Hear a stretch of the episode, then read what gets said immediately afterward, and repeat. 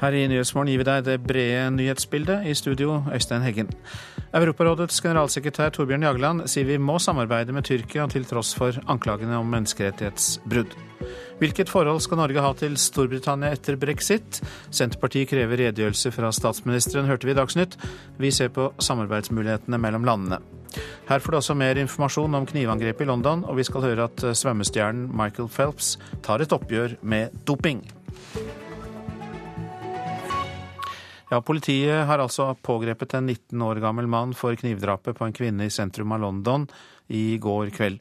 Både psykisk helse og terrorisme undersøkes som årsaker til knivdrapet.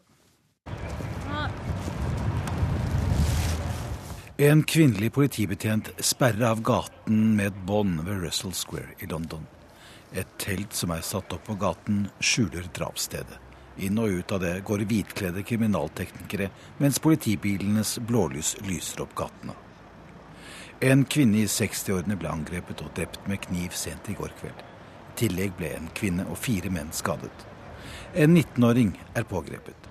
Early indications suggest that mental health is a significant factor in this case, but of course at this stage we should keep an open mind regarding motive, and consequently, terrorism as a motivation remains but one line of inquiry for us to explore. Psykisk helse er en betydelig faktor i denne saken, men vi kan ikke utelukke terror i dette stadiet av etterforskningen, sier Mark Rowley i Scotland Yard. Og det sa utenriksreporter Øyvind Nyborg. Svømmestjernen Michael Phelps tok et oppgjør med doping i idretten under eh, pressekonferansen sin i Rio de Janeiro i går.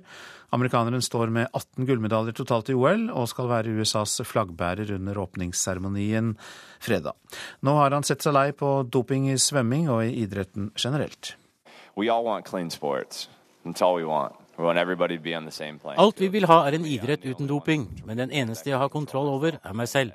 Jeg tror helt oppriktig at jeg aldri har konkurrert i en ren idrett i min karriere. Det er trist.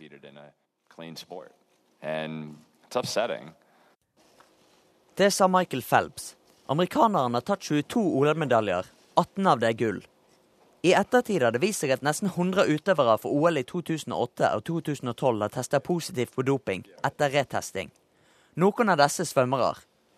I tillegg har sju russiske utøvere fått startnekt i Rio, etter at IOC satte strenge krav til Russland grunnet omfattende dopingjuks. På spørsmål om hva han ville gjort om han satt i Det internasjonale svømmeforbundet, svarer Phelps dette. Don't ask that one. I mean, I, I don't know if I could publicly say my answer. Um, I, I don't, I don't would... Ikke spør om det, jeg tror ikke jeg kan si min mening offentlig. Det ville gjort mange misfornøyd. Noe må endre seg, ikke bare i svømming, men i alle idretter.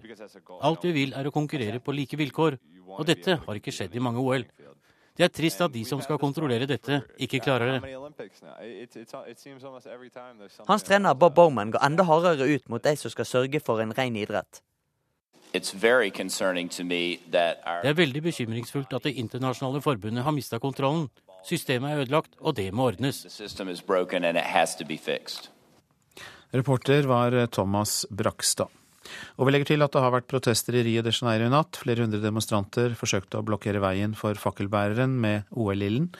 Politiet brukte tåregass og pepperspray mot demonstrantene. Minst tre mennesker ble skadd i sammenstøtene. Nå om eh, uklare testamenter, for de kan føre til bitter strid mellom privatpersoner og veldedige organisasjoner. Det mener advokater NRK har snakket med. Ifølge advokatene skal man eh, være nøye med hvordan man ordlegger seg når man fordeler verdiene sine i eh, testamenter. Da vennene til Gustav Reiseren gikk bort, ble store deler av arven gitt til Kreftforeningen, på tross av at de bare var oppnevnt som mottaker av restbeløpet i avdødes testamente den passusen i testamentet var at 'hvis det blir noe igjen'. Setningen 'hvis det blir noe igjen' i Reiersens venns testament førte til at Kreftforeningen ble stående som hovedarving etter mannen. Dermed ble hele arveoppgjøret tatt ut av lokalsamfunnet og administrert av jurister i Oslo. Alle de som var nevnt i testamentet, de fikk jo sine gjenstander eller beløp. Mens eh, denne ideelle organisasjonen, som da skulle få noe hvis det ble noe igjen, da faktisk juridisk ble stående som hovedarving. Ja, det tror jeg nok, fordi at det der er litt sånn teknisk. Advokat Randi Birgitte Bull er spesialist på arverett. Hun sier resten regnes som alt det det ikke står noe spesifikt om i testamentet. Ifølge Bull kan denne type begrepsbruk føre til tvister om fordelingen. Det er viktig at eh, man eh, tenker nøye gjennom hva man eh, tror man vil etterlate seg. Altså hvor store verdier det er, og, og hvordan det skal fordeles forholdsmessig mellom arvingene. Og i den situasjonen du viser til, så høres det ut som at han kanskje ikke var klar over hvor stor formue han hadde, som da ville være denne resten uh, som går til organisasjonen. Og det er det Reiersen også sier. Han understreker at det ikke er galt å gi arv til veldedige organisasjoner, og legger til at Kreftforeningen kun har opptrådt profesjonelt i denne saken. Allikevel vil han advare andre, nettopp fordi han ikke tror det var dette vennen mente da han skrev at eventuelle resten kunne gis bort. Jeg tror ikke han hadde peiling på at uh det vil kunne få sånne konsekvenser. Så kanskje det er greit å spesifisere et beløp. Kreftforeningen mottok 141 millioner kroner fra tildelte gaver i arveoppgjør i fjor. I fjor så var det et toppår for oss i forhold til inntekter fra testament. Generalsekretær i Kreftforeningen Ole Alexander Opdalsei sier de mottar de fleste gavene fra privatpersoner, men at de ikke driver markedsføring av muligheten til å gi slike gaver. Vi mottar eh, gaver fra, som er innsamla gaver fra privatpersoner, og også da testamenter som er en del av dette.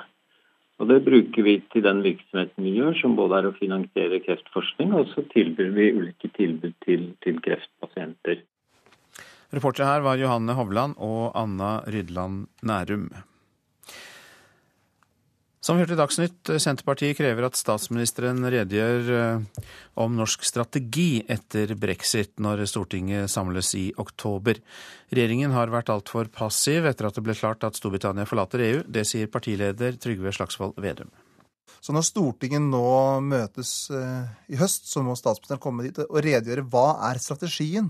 Så du får en bred debatt i Stortinget med regjeringa til stede om hva vi nå gjør. Både når det gjelder en handelsavtale med Storbritannia, og når det gjelder videre samarbeid med EU. Usikkerheten er stor om hva slags handelsavtale Storbritannia vil få både med EU og andre land, etter at britene stemte unionen ut av EU. Nå må regjeringen tenke på norske interesser, og det haster, mener Vedum. Vi ser nå at land etter land rundt i hele verden posisjonerer seg i relasjon til Storbritannia. Det er over 28 land som har bedt om en eh, frihandelsavtale. Vi har vært passive fra norsk side, og da må regjeringa nå si hva er deres strategi. SV har vært ute med et lignende krav, og støtter Senterpartiet. KrF ser ikke behov for en redegjørelse ved Stortingets åpning. Arbeiderpartiets utenrikspolitiske talsperson Anniken Huitfeldt regner med at statsminister Erna Solberg vil ta opp Norges forhold til Storbritannia i Stortinget. Men jeg ser ingen grunn til å utvide trontaledebatten på bakgrunn av uh, situasjonen. Den er ikke så alvorlig. Og jeg forutsetter at regjeringen i det videre følger opp det som er norske interesser. Og reportere her, Katrin Hellesnes og Ellen Sporstøl. Magne Lerøe, velkommen hit. Takk for det. Du er jo redaktør i ukeavisen eh, Ledelse, og vi vil gjerne ha en vurdering av deg når det gjelder hvor viktig det er for Norge å sikre handelen med Storbritannia? Ja, Det er selvsagt viktig, men det er jo ikke en sånn hastsak at vi nå liksom ligger for, ligger for langt etter. Ja, Hvorfor ikke når 28 land allerede har vist en interesse for ja, å inngå en handelsavtale med Storbritannia? Men, men, eh, man kan jo sende en mail ikke sant, og si at vi er interessert, vi også. Så, så det er jo ingen realiteter i eh, Det er, det er ikke forhandlinger, så, det er heller ikke posisjoner de ulike landene har. Så alle, Storbritannia vet jo selvsagt at Norge er interessert i å ha en handelsavtale med dem. Så dette er mer et sånt utspill mest til innvortes bruk og fra, fra, fra eh, Slagsvold Vedum her for å få han eh, til å, til å, å starte liksom EU-debatten eh, e på nytt. Og Han har jo all mulig interesse å fronte dette. her. Han blir jo den, den nye mister Alternativ ikke sant, i, i EU-debatten. Så det er jo det vi, vi, ser et eksempel på her. Men politisk sett er det jo, er det, har det jo lite som endrer seg. Så sånn sett er det ikke noen grunn til at Stortinget skal nemlig sånn tre sammen før, før ferien er over for å diskutere dette her det, det, går sin gang. Og de fleste av disse partiene de har en motsatt strategi. De, de tenker sånn Nå gjelder det å sitte stille i båten, for nå må vi se hva som skjer. Men kan det da tenkes at vi gjennom EØS-medlemskapet slipper å inngå noen separate avtaler med Storbritannia? At vi såkalt, sånn sett kan henge i skjørtene til EU? Ja, det er så mange muligheter her. Én ting er hvilke avtaler nå Storbritannia får med EU. Det andre er jo hva slags EU får vi om fem år? Altså, det, det, det, kan jo hende at en, en, en frihandelsavtale med EU også er noe vi skal forhandle. Eller det kan godt hende også at medlemskapsdebatten eh, kommer opp igjen med tanke på at EU endrer seg såpass at, eh, at, at Norge kan bli medlem i EU. Så det er, det er altfor tidlig nå å gjøre dette til en hastesak og, og late som om Norge ikke vet hvilke interesser vi har og, og at vi ikke har en strategi. Det, det er, det er, greit som et utspill for å starte debatten, men, men, men jeg tror ikke det er mye realiteter i det. Ja, Men det kan jo kanskje være like dumt å sitte stille i båten istedenfor å være fremoverlent, som Slagsvold Vedum eh, etterlyser her? Ja, altså han, han har all mulig interesse av det. Og nei, ja, men har ikke Norge også det? Jo, men altså og, og, Selvsagt vil jo, vil jo, diplomatiet og vil jo regjeringen ha alle kontakter som er nødvendige. Men det er jo ikke slik sånn at, at nå har vi eh, Nå haster det liksom med å klargjøre Norge, den norske posisjonen i forhold til frihandel med, med Storbritannia. Vi har god tid på oss. Eh, men vi får mange spennende debatter. Og, eh, og vi ser nå på en måte et mønster at, eh, at, Senterpartiet de vil nå stille seg i front, og de vil ha store fordeler av dette, for de vet hva de vil. Mens de andre partiene de, de er ikke helt sikre på hva de vil, fordi at utviklingen i EU og i Storbritannia den endrer seg. Men, men, men Senterpartiet vil skrote EØS-avtalen, vil ha en frihandelsavtale. Det er ikke noe nytt, det har de ment i mange år. Vi skal høre hva Slagsvold Vedum sier om en halvtime. Da er han eh, gjest hos oss, så vi skal belyse denne saken ytterligere. I denne omgang, hjertelig takk for at du kom, Magne Lerud, redaktør i ukeavisen Ledelse. Takk. Det er Nyhetsmorgen du lytter til, og klokka nærmer seg kvart over sju. Dette er eh, hovedsaker. Letemannskaper fra Røde Kors eh, leter nå etter tre tenåringsjenter på Hardangervidda. Jentene skulle gå fra Stavali til Torehytta og ringte selv politiet i går kveld og sa de hadde problemer. En 19-åring er pågrepet etter knivangrepet i London. En kvinne i 60-årene ble drept. Seks personer er såret etter at mannen gikk til angrep med kniv på Russell Square. Og politiet skal vurdere hans psykiske tilstand, og utelukker heller ikke terrorisme. Senterpartiet krever altså en redegjørelse fra statsministeren om hvilken strategi regjeringen har for Norge etter brexit. Nå om Europarådets generalsekretær Torbjørn Jagland, som i går var i Tyrkias hovedstad Ankara og hadde møter der med den tyrkiske utenriksministeren og president Recep Tayyip Erdogan. Og til tross for at uh, tyrkiske myndigheter har blitt anklaget for menneskerettighetsbrudd, så sier Jagland at det er viktig å få til et samarbeid med landet. Det viktigste er at president Erdogan og uh, flere regjeringsmedlemmer jeg har snakket med, ønsker å ha tett kontakt med våre eksperter for at uh, de skal kunne gjøre det riktig, også uh, under en unntakstilstand. Og jeg har fått klart frem at hvis de ikke gjør det, så vil tusenvis av saker igjen komme til Menneskerettighetsdomstolen i Strasbourg. Det er ikke noe de ønsker. Dette er jo en leder som blir kritisert for å ta landet i en stadig mer autoritær eh, retning. Og eh, menneskerettigheten, i dette landet blir også stadig verre. Hva tror du vil skje fremover nå? Det er ikke godt å si, men jeg tror det kommer an på veld, veldig mye på hvordan de europeiske landene og de europeiske institusjonene reagerer. Eh, vi må snakke med dem, og ikke bare snakke til dem. Og det er jo litt oppmuntret for meg at så mange utenriksministre har tatt direkte kontakt med meg før dette besøket, og ønsker informasjon etterpå, slik at man kan forsøke å få i gang en, eh, en god dialog. Og eh, Torbjørn Nagland blir intervjuet av korrespondent Kristin Solberg. Tyrkia-kjenner og postdok-stipendiat ved Universitetet i Oslo, Einar Wigen. Riktig god morgen til deg. Takk. Ja, Det høres ut som Jagland går en balansegang her mellom uh, Tyrkias hardeste kritikere og en forståelse av at det er nødvendig med tiltak etter dette kuppforsøket? Det er jo en veldig vanskelig situasjon, men uh, det som er viktig, er at uh, hvis man ikke drar dit, så har man i hvert fall ingen innflytelse. Så det han gjør her ved å dra dit, det er veldig, veldig viktig. Og så tror jeg at det viktigste er jo ikke det å hente informasjon av disse, disse forespørslene om informasjon i etterkant. Det tror jeg ikke er det sentrale her. Det sentrale her er at de står på samme, samme plattform. De utgir en presseuttalelse, uh, pressemelding, sammen.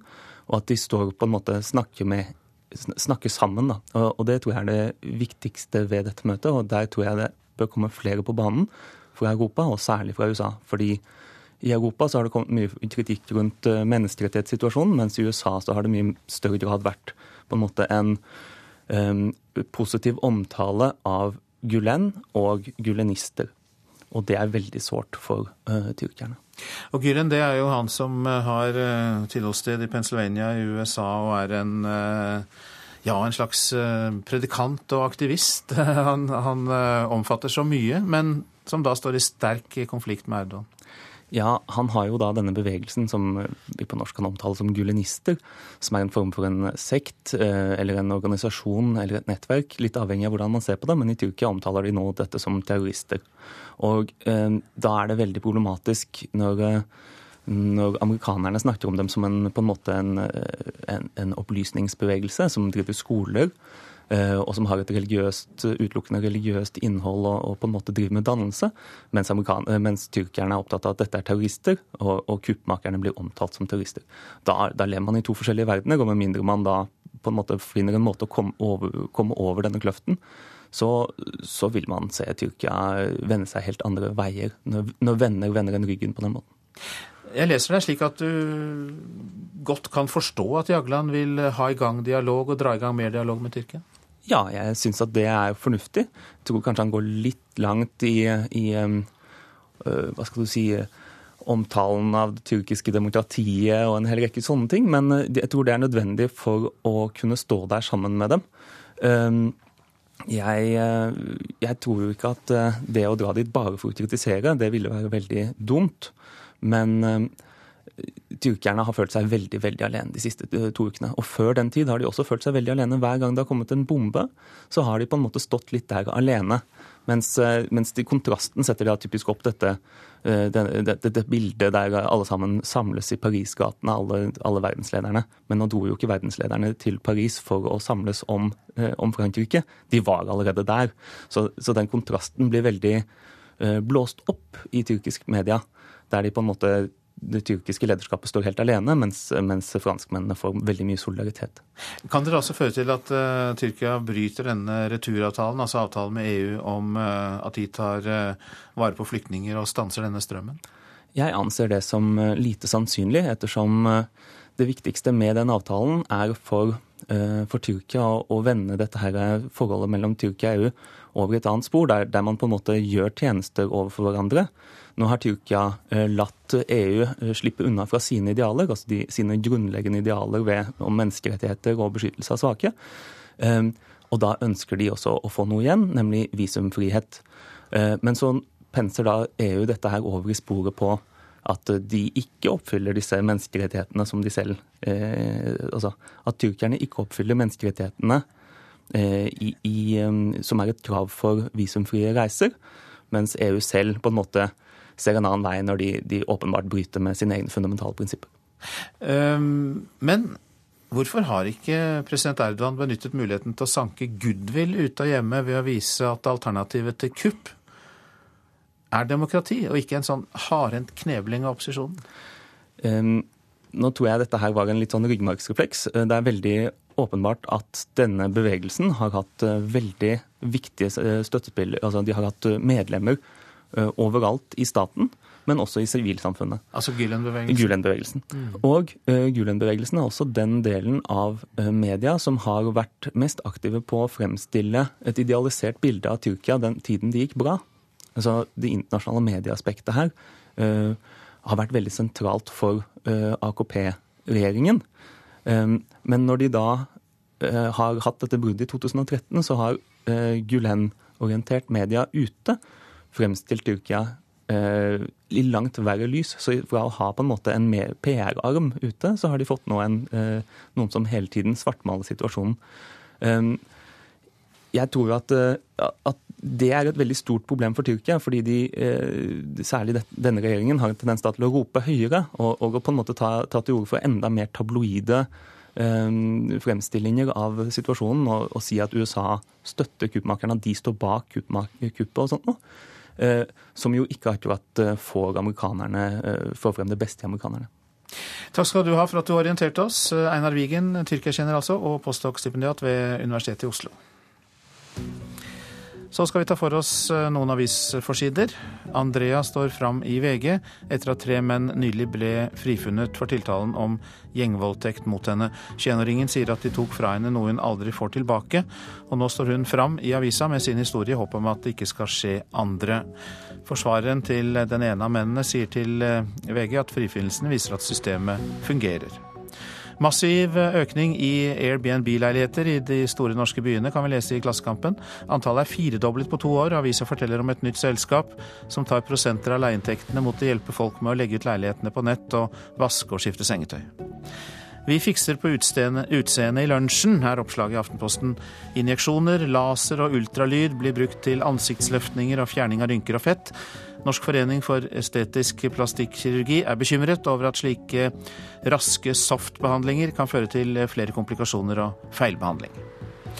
Studenter med pengesterke foreldre presser opp boligprisene i Trondheim, skriver Dagens Næringsliv. 40 leiligheter ble solgt etter en spesialvisning for studenter i juli. Og det er eh, i stor grad foreldrenes penger som hjelper studentene inn på boligmarkedet.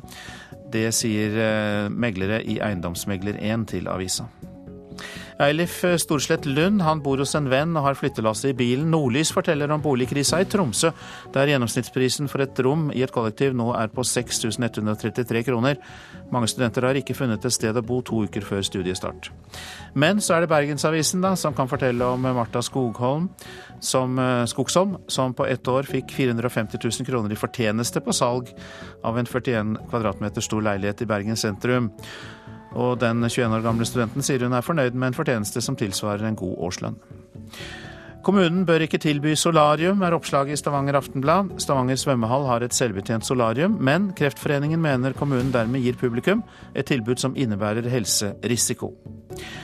Slår alarm om de fattige barna bak fasaden, skriver Dagsavisen. Finansbyråd Robert Steen sier han forstår at mange rynker panna når Oslo har råd til å bygge en hoppbakke til 1,8 milliarder kroner, samtidig som byen har 23 000 fattige barn. I disse dager arrangeres det ballettsommerskole i Den norske opera og ballett. Og med det så får barn og unge fra hele landet mulighet til å danse der eh, idolene deres danser. Pirouette, and then as soon as you get there, you've got to get this back round and round. Round. And where's your audience out there projecting? Lower So much to think about. Why don't we try it on the other side, shall we? Attityde, kambré og publikumskontakt. Det ser ut som det er mye å tenke på for disse 23 ungdommene i full ballettuniform, som forsøker å gli etter stegene til dansepedagog Leanne McRae, og det med sylska presisjon. Og i tillegg skjer det i ekstra spesielle omgivelser. I fjor var de i Tønsberg, men denne uken arrangerer Royal Academy of Dance, eller RAD som de liker å kalle seg selv, ballettsommerskole. Og det for første gang i Den norske opera og ballett. Forstår alle hva som skjer nå? Ja, ok. Det er veldig stort for ungene å få være her på operaen. Eh, og de pedagogene vi har, er også utrolig inspirerende. Så de, de har en eh, Jeg tror ikke de egentlig vet hvor heldige de er som har fått de lærerne hit, altså. Forteller initiativtaker og national manager i Rad Norge, Karina Lund. Og et av disse heldige barna er elleve år gamle Susanna Terjesdotter Melhus, som har kjørt helt fra Kristiansand for å denne uken kunne øve i Nasjonalballetten sine rom. Jeg har tenkt å bli en eh, stor ballettdanser når jeg blir voksen. og jeg føler at det er livet mitt å danse. Det er ganske moro å danse her. Og jeg, når jeg var her de første dagene i går, sånt, så kunne jeg ikke helt tro at jeg var her. Så Hva er det som er så spesielt med å være her? Det er uvant, og det er jo her den nasjonalballetten holder til. Og det er masse folk rundt omkring, og jeg kan se inn det store saler og alt det. Det er en helt eh, egenartet eh, inspirasjon i seg selv. De virker veldig avmålt nå. Så, sånn som jeg snakker med dem, hvordan går det og sånn. Men jeg vet at det bare bobler inni dem. De er helt på tuppa. Altså Bygget i seg selv er jo, er jo kjempeinspirasjon. Og da i tillegg få være i studioene, kanskje gå i fotsporene til eh, idolene deres, ikke sant. Eh, Ingrid Lorentzen møter du i gangen, og Nasjonalballetten eh, driver og danser og øver uh, bak lukkede dører. Vi kan snike en titt i vinduet og ja, det er, det, ja, bedre får du det ikke. Begge er enige om at det å drive med ballett, og kanskje spesielt på sommerskole i selve operaen, er tøft. Og så er det veldig hardt arbeid, så en må være veldig flink. Men det liker jeg å tenke på at jeg er veldig flink og sånne ting, da. Lund forteller at Norge trenger å fostre fram flere norske ballettdansere, noe som gjenspeiler seg i opptaket til Balletthøgskolen ved Kunsthøgskolen i Oslo, som skolen selv bekrefter ovenfor NRK. Vi får ikke frem så mange norske, eh, og det, det er litt synd. Vi, vi er mange moderne dansere. Vi er mange jazzdansere, musikaldansere. Men i balletten så er vi dessverre litt få. Så vi trenger et høyere standard eh, ut i Norge. Men ut ifra det hun ser så langt, lover det godt for norsk balletts fremtid. Ja, det er mye, mye potensial her, altså. Så jeg skulle ikke forundre meg om det er eh, flere av de som eh, er her i dag, som eh, løper rundt her om en ti års tid. Kanskje 15 for de yngste.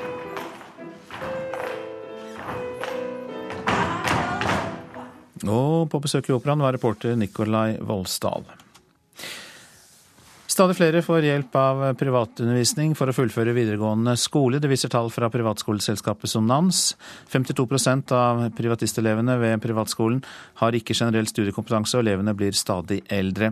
Og Det siste året har antallet elever over 29 år økt med 15% Du lytter til Nyhetsmorgen, produsent i dag Kari Bekken Larsen, og her i studio Øystein Heggen. Dagens politiske sommergjest er Senterpartiets leder Trygve Slagsvold Vedum. Han eh, treffer du eh, etter Dagsnytt, og vi skal også høre om at journalister i Sør-Afrikas statlige kringkasting ligger i krangel med ledelsen.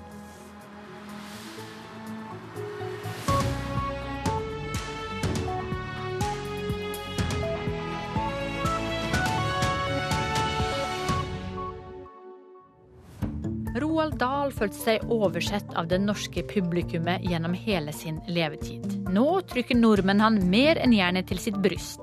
Men hvor mye av det norske fins egentlig i hans litterære univers? I Kulturhuset i dag ser vi på den kinoaktuelle SVK, Store vennlige kjempe, basert på Dahls barnebok.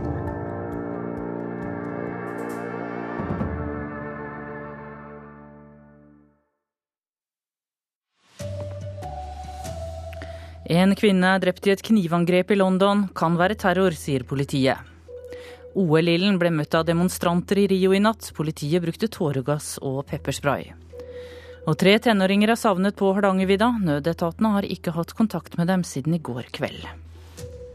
Her er NRK Dagsnytt klokka 7.30. Knivdrapet i London sent i går kveld kan ha vært et terrorangrep. En 19 år gammel mann er pågrepet. En kvinnelig politibetjent sperrer av gaten med et bånd ved Russell Square i London. Et telt som er satt opp på gaten, skjuler drapsstedet. Inn og ut av det går hvitkledde kriminalteknikere, mens politibilenes blålys lyser opp gatene. En kvinne i 60-årene ble angrepet og drept med kniv sent i går kveld. I tillegg ble en kvinne og fire menn skadet.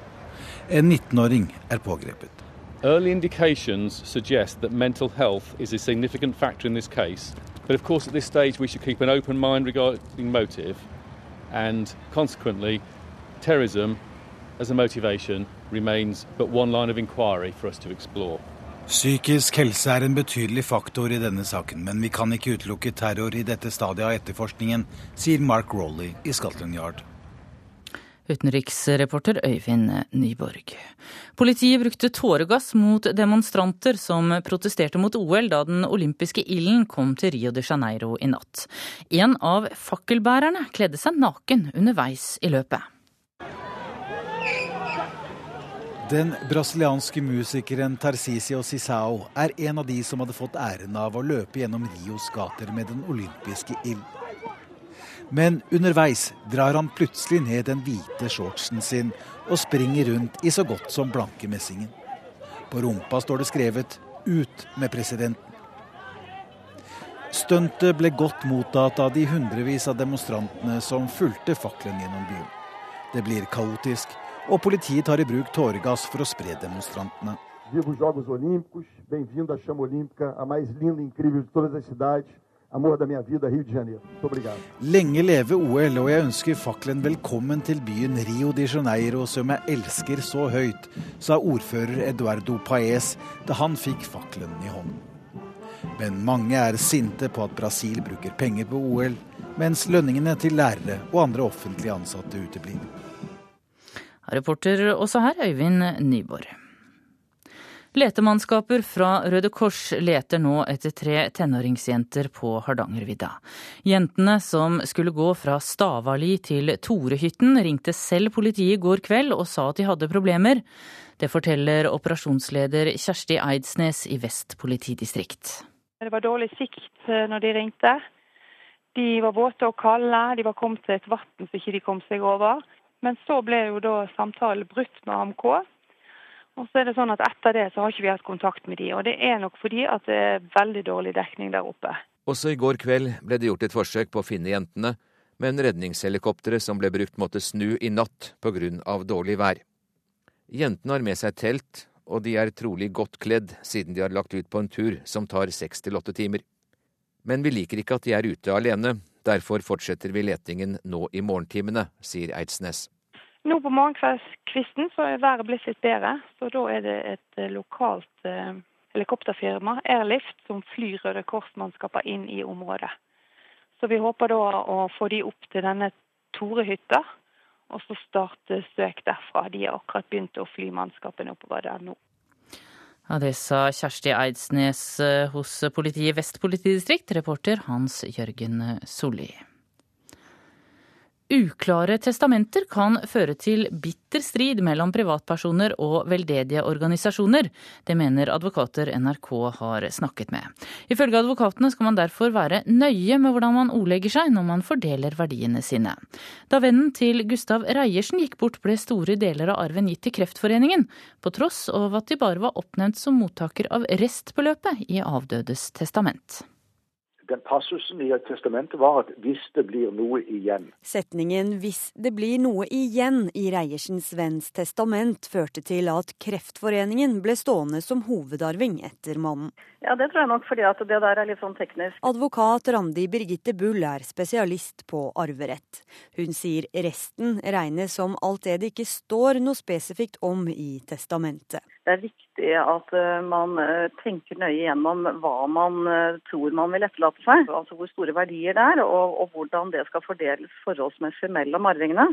Og i den situasjonen du viser til, så høres det ut som at han kanskje ikke var klar over hvor stor formue han hadde som da ville være denne resten. Og det er det Reiersen også sier. Han understreker at det ikke er galt å gi arv til veldedige organisasjoner, og legger til at Kreftforeningen kun har opptrådt profesjonelt i denne saken. Allikevel vil han advare andre, nettopp fordi han ikke tror det var dette vennen mente da han skrev at eventuelle resten kunne gis bort. Jeg tror ikke han hadde peiling på at uh det vil kunne få sånne konsekvenser. Så kanskje det er greit å spesifisere et beløp. Generalsekretær i Kreftforeningen Ole Alexander Opdalsei sier de mottar de fleste gavene fra privatpersoner, men at de ikke driver markedsføring av muligheten til å gi slike gaver. Vi er jo ikke inne i, stort, i utformingen av testamentet. Stort sett så får vi vite om testamentene etter at vedkommende er gått bort. Reportere i dette innslaget var Johanne Hovland og Anna Rydland Nærum. Senterpartiet krever at statsministeren redegjør om Norges strategi etter folkeavstemningen om EU i Storbritannia. Regjeringen har vært altfor passiv etter at det ble klart at Storbritannia skal forlate EU. Det mener partileder Trygve Slagsvold Vedum. Så når Stortinget nå møtes eh, i høst, så må statsministeren komme dit og redegjøre hva er strategien. Så du får en bred debatt i Stortinget med regjeringa til stede om hva vi nå gjør. Både når det gjelder en handelsavtale med Storbritannia, og når det gjelder videre samarbeid med EU. Usikkerheten er stor om hva slags handelsavtale Storbritannia vil få både med EU og andre land, etter at britene stemte unionen ut av EU. Nå må regjeringen tenke på norske interesser, og det haster, mener Vedum. Vi ser nå at land etter land rundt i hele verden posisjonerer seg i relasjon til Storbritannia. Det er over 28 land som har bedt om en eh, frihandelsavtale. Vi har vært passive fra norsk side. Og da må regjeringa nå si hva er deres strategi. SV har vært ute med et lignende krav, og støtter Senterpartiet. KrF ser ikke behov for en redegjørelse ved Stortingets åpning. Arbeiderpartiets utenrikspolitiske talsperson Anniken Huitfeldt regner med at statsminister Erna Solberg vil ta opp Norges forhold til Storbritannia i Stortinget. Men jeg ser ingen grunn til å utvide trontaledebatten på bakgrunn av uh, situasjonen. Den er ikke så alvorlig. Og jeg forutsetter at regjeringen i det videre følger opp det som er norske interesser. Reportere her Katrin Hellesnes og Ellen Sporstøl. En begredelig sommer gjør at bergenserne advares mot D-vitaminmangel kommende vinter. Det har regnet i ett i sommerferieukene, noe som gjør at folk kanskje ikke har fått i seg nok D-vitamin gjennom sollyset. Spesialist i allmennmedisin Kirsten Rokstad ber folk passe på at de får i seg nok D-vitaminer på andre måter. Det øser ned i Bergen. Juli har ikke vært våtere på nesten 50 år. Og folk på gata de er lite imponerte over sommerværet. Det har vært shit, shit, shit. Det er ikke noe mer å si om det. Jeg syns juni var fin, men juli har vært helt vanvittig. Jeg liker regn og kler meg etter regnet, men nå har det vært litt drygt også. Når det regner så mye, så eh, kan det påvirke vitaminer som vi trenger å ha. Det sier spesialist i allmennmedisin Kirsten Rokstad. Og det er særlig D-vitaminlagere som får lide under regnet. D-vitaminnivået blir lavere, det er helt klart. Så hvis ikke du får sollys andre steder ifra, så kan du gå i en mangel. Mangel på D-vitaminer kan få alvorlige konsekvenser. Altså Det verste er jo eh, på lang sikt at du kan få eh, benskjørhet. Og du kan få andre metabolske sykdommer som et resultat av det. I et kortere perspektiv så er det jo trøtt og slapp og uopplagt og, som er det viktigste. Professor emeritus ved Universitetet i Oslo, Johan Moan, har forska på hvordan D-vitamin blir danna i kroppen. Når det er overskyet vær, så må man ty til de andre tre metodene, nemlig enten å reise til Syden og, og gå litt forsiktig i solarium, eller å spise D-vitamin eller drikke, drikke tran. Og Sissel Sæther har tatt grep for å sikre seg nok sol i år. Vi skulle til Skottland, og så har vi avbestilt den, og så har tatt til Tenerife i høst isteden. Der er det sol. Ja da, der har vi vært før.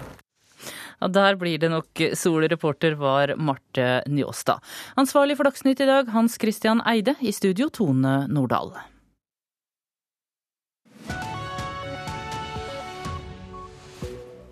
Og her fortsetter Nyhetsmorgen. Journalister i Sør-Afrikas statlige kringkasting ligger i krangel med ledelsen. Vår politiske sommergjest er Senterpartiets leder Trygve Slagsvold Vedum. Vi spør om brexit er en gyllen mulighet for å bli kvitt EØS-avtalen, som han og Senterpartiet er sånn imot. Og nettstedet er ute etter å ta utleiehaier. Vi skal høre om hybelrating.no. Ja, I Sør-Afrika så har journalistene i det statsdrevne mediehuset South African Broadcasting Corporation fått beskjed om å droppe dekningen av voldelige demonstrasjoner. Åtte medarbeidere ved SABC har protestert og ble suspendert. Fire av dem er nå avsatt. Men nå har de slått tilbake. Og det har de gjort på en måte lederne deres ikke har klart å håndtere.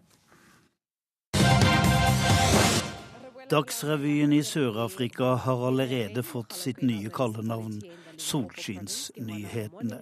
70% skal handle om det som går godt i Sør-Afrika. Mange vil si det var på tide. Sørafrikansk nyhetsdekning handler stort sett om vold, ville streiker, korrupsjon og en strømforsyning som daglig svikter. Nylig innførte kringkastingssjef Laudi Motsoeneng en ny regel. Ingen voldelige demonstrasjoner skal vises på statsfjernsynet. Kringkastingssjefen er innsatt av den regjering de fleste protester retter seg mot. Han tilhører selv regjeringspartiet ANC, og styrelederen ba endog journalistene om å være lojale mot regjeringspartiet. Så ble det utarbeidet en svarteliste over kommentatorer som ikke egnet seg. En kritisk dokumentar om tidligere president Thabo Mbeki ble stanset like før visning, og kaotiske protester mot president Jacob Zuma i parlamentet ble ikke vist, selv om møtet ble overført direkte. De snudde kameraene en annen vei. Men Nok er nok. Sist fredag tok journalistene hevn. Right, En sprudlende programleder for South African Morning ønsket velkommen, men den alltid fargerikt oppdressede programlederen var kledd i svart. Nyhetsoppleseren var i svart, reporterne hadde svarte T-skjorter, det varte hele dagen. Alle så at noe var feil, men hva var det som skjedde rett for deres øyne? Nyheten spredte seg raskt på nettet. Det var nyhetsfolkets protest mot ledelsen som hadde sparket fire og sendt hjem fire til. Nettet og avisene kokte. Men SABC-journalistene sa ingenting. Det gjorde ikke protesten svakere. Re boela re lamoela gape re le mo mahelereng mogalokwena municipality in the Limpopo province ke hona mo morning SABC-journalistene hadde funnet den perfekte protestform. Ingen visste noe på forhånd. Ingen kommentarer ble gitt. Ledelsen kunne se protesten utfolde seg på skjermen, men de kunne ikke gripe inn. Og siden ingen sa noe, kunne de heller ikke sparkes. Dette er antagelig den sterkeste sivile ulydighetsaksjonen i Sør-Afrika siden Mahatma Gandhi bodde der for 100 år siden. Med den forskjell at protesten sist fredag, den svarte fredag, ikke var ulovlig. Det er ikke bare kollegene som protesterer. Det gjør også The Independent Communications Authority of South Africa, Medietilsynet. De mener det er i strid med retningslinjene å legge bånd på journalistene til ikke å dekke demonstrasjoner som har innslag av voldsomhet. Kringkastingssjefen står på sitt. Han vil bli kvitt det han kaller den kyniske journalistikken, og han legger til historien om det nye Sør-Afrika er ennå ikke fortalt. Det sørafrikanske kringkastingsselskapet SABC er en mastodont som trofast tjente det hvite apartheidregimets interesser. Kamper i gatene den gang mellom svart ungdom og hvitt politi ble framstilt som en ordensoppgave mot ustyrlige og kriminelle tenåringer. Andre opposisjonelle var terrorister.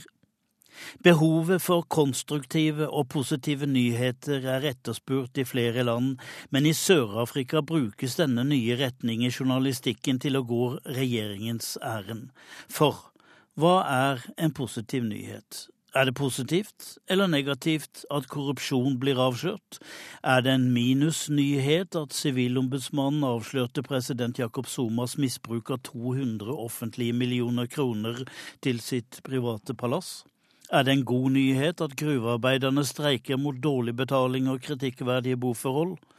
Det skal ikke dekkes, er SABC-ledelsens udiskutable krav. Åtte journalister protesterte, nå har de ingen jobb å gå til. Men skjermene gikk ikke svart, bare medarbeiderne, på en mørk fredag. Sa reporter Tom Christiansen. Dette er Nyhetsmorgen, og klokka har passert eh, kvart på åtte. Vi har disse hovedsakene. Letemannskaper fra Røde Kors eh, leter nå etter tre tenåringsjenter på Hardangervidda. Jentene skulle gå fra Stavali til Torehytta, og ringte selv politiet i går kveld og sa de hadde problemer. Politiet har pågrepet en 19 år gammel mann for knivdrapet på en kvinne i sentrum av London i går kveld. Både psykisk helse og terrorisme undersøkes som årsaker til knivangrepet. Politiet brukte tåregass mot demonstranter som protesterte mot OL da Den olympiske ild kom til Rio de Janeiro i natt. En av fakkelbærerne kledde seg naken underveis i løpet. Og leger advarer bergenserne mot D-vitaminmangel i vinter. Det har regnet i ett i sommerferieukene i Bergen, noe som gjør at man ikke får nok D-vitamin gjennom sollyset. I nyhetene i dag så har vi hørt at Senterpartiet krever en redegjørelse fra statsministeren om Norges forhold til Storbritannia og EU. Etter brexit, altså. Partiet etterlyser en strategi for hvordan norske interesser skal ivaretas. Og du er med oss, eh, vår politiske sommergjest, eh, leder i Senterpartiet, Trygve Slagsvold Vedum. God morgen. God morgen. Du eh, er jo med oss fra studio i Elverum. Og ja, hva mener dere vil være en god norsk plan da etter brexit? Altså Når du har sett eh, det som har skjedd, da, det er en av de største hendelsene i de siste tiåra. John Kerry reiste dit til London med en eneste gang. eh, tok opp kontakten etter en par dager etter avsendingen. Dro og hadde liksom understreka forholda. Og det bør også den norske regjeringen gjøre. Det ble reist til London med en gang, sagt at vi er fortsatt en nær alliert, vi er, vi er nære samarbeidspartnere, selv om den norske regjeringa da advarte det britiske folk mot å stemme eh, Liv. Og så må vi jo da sikre oss at vi får en god handelsavtale med Storbritannia. Så bør vi ha en nær relasjon til Storbritannia når de skal begynne å forhandle med EU om en ny handelsavtale. Det kan være aktuelt at Storbritannia blir med i EFTA. Eh, og det kan bli da at vi får en helt ny virkelighet. At den som var virkeligheten for en måned siden, at det var EØS-avtalen som var den eneste muligheten, at det blir en ny virkelighet framover når Storbritannia skal framforhandle en ny avtale. Og Da kan vi selvfølgelig ha sterke fellesinteresser med Storbritannia, og da bør vi jo diskutere, ha tett dialog og være fortrolig med det som skjer i et av Europas desidert viktigste land. Nå høres det jo nesten litt for overivrig ut, for det er klart at Storbritannia har jo ikke engang begynt å snakke med EU om uh, å tre ut av unionen. De skal jo skikke sitt uh, hus hjemme først, før de setter i gang med det. Uh, hadde det ikke vært bedre å sitte og være avventende fra norsk side og se hvordan dette utvikler seg mellom de som det faktisk gjelder, altså Storbritannia og EU? Ja, F.eks. USA valgte å reise dit uka etter brexit. Med en gang på en ekstraordinær tur dro John Kerry der. Og så var det nok en sorgreaksjon hos Erna Solberg at Storbritannia gikk ut. For hun har jo vært en veldig sterk tilhenger av et mer føderalt Europa, og at Norge også skulle få euro og skulle bli EU-medlem så fort som mulig. Men, men, men, nå er hun statsminister i Norge, og da må hun ta vare på norske interesser. Og klart da er det viktig at når en av verdens største økonomier går ut av Den europeiske union, så, som har vært en nær alliert i tiår, eller helt siden Norge ble selvstendig land, så har Storbritannia vært en nær alliert. Men setter Solberg norske interesser på spill pga. en sorgreaksjon? Hun bør i hvert fall være aktiv og se hvilke muligheter er det det her gir.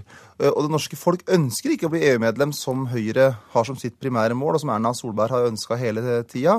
Og da må hun se jo, det er virkeligheten. Nå skal jeg styre på vegne av hele det norske folk, og da må vi selvfølgelig ha tett eh, dialog med Storbritannia og se om vi kan få en bedre avtale med EU enn det vi har i dag gjennom EØS, og se hvordan vi kan sikre direkte og gode avtaler mellom Storbritannia og Norge.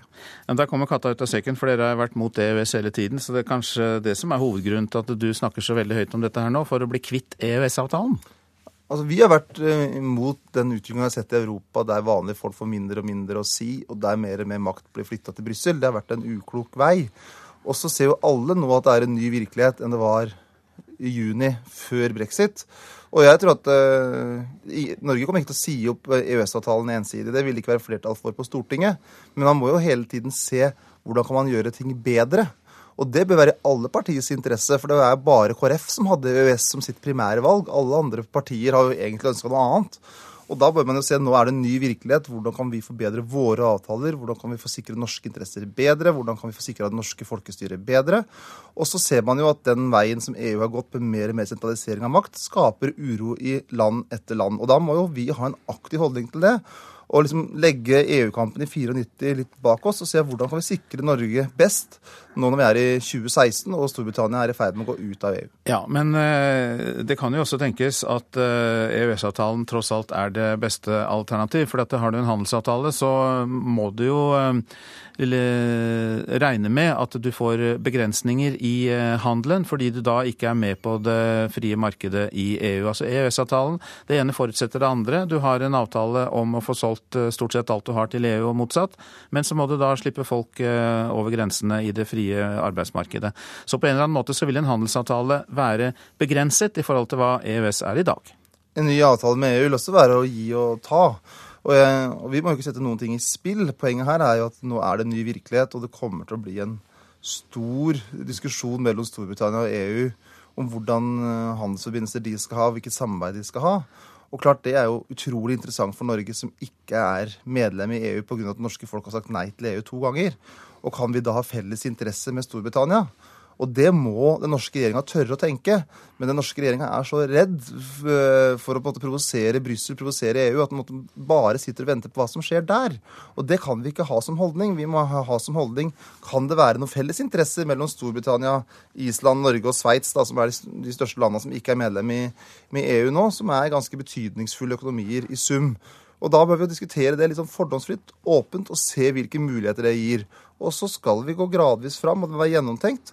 Men da må også statsministeren eh, liksom komme seg litt bort fra den her at du bare venter og, og ser på Brussel, og være, ha en mer aktiv holdning overfor Storbritannia. Og så er det naturlig at man i Stortinget i høst har en diskusjon, en samtale. Hvor går vi nå? Ja, Man har ikke noe særlig å diskutere, for det er jo ikke skjedd noe mellom Storbritannia og EU ennå, så hva skal man diskutere? Det blir jo bare ord.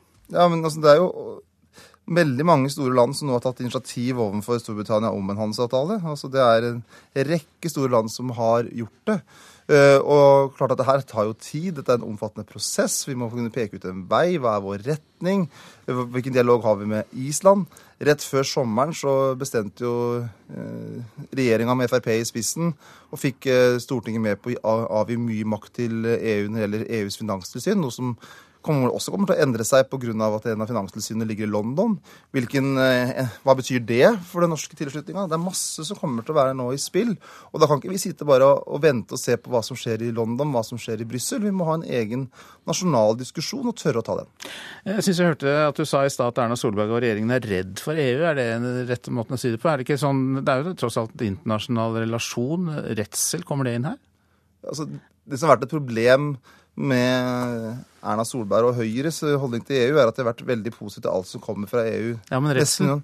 Jo, altså, det er jo at Hvis man, man, er redd for å tørre å tenke egne tanker, for man er redd for å måtte, måtte få kritikk, eh, komme litt på kant, ha en diskusjon Men altså, EU-landene er jo våre venner, og det å være, ha litt uenighetspunkter med venner, det er ikke noe farlig, for det kan være helt andre interesser. Ja, Du er ikke redd for EU, altså?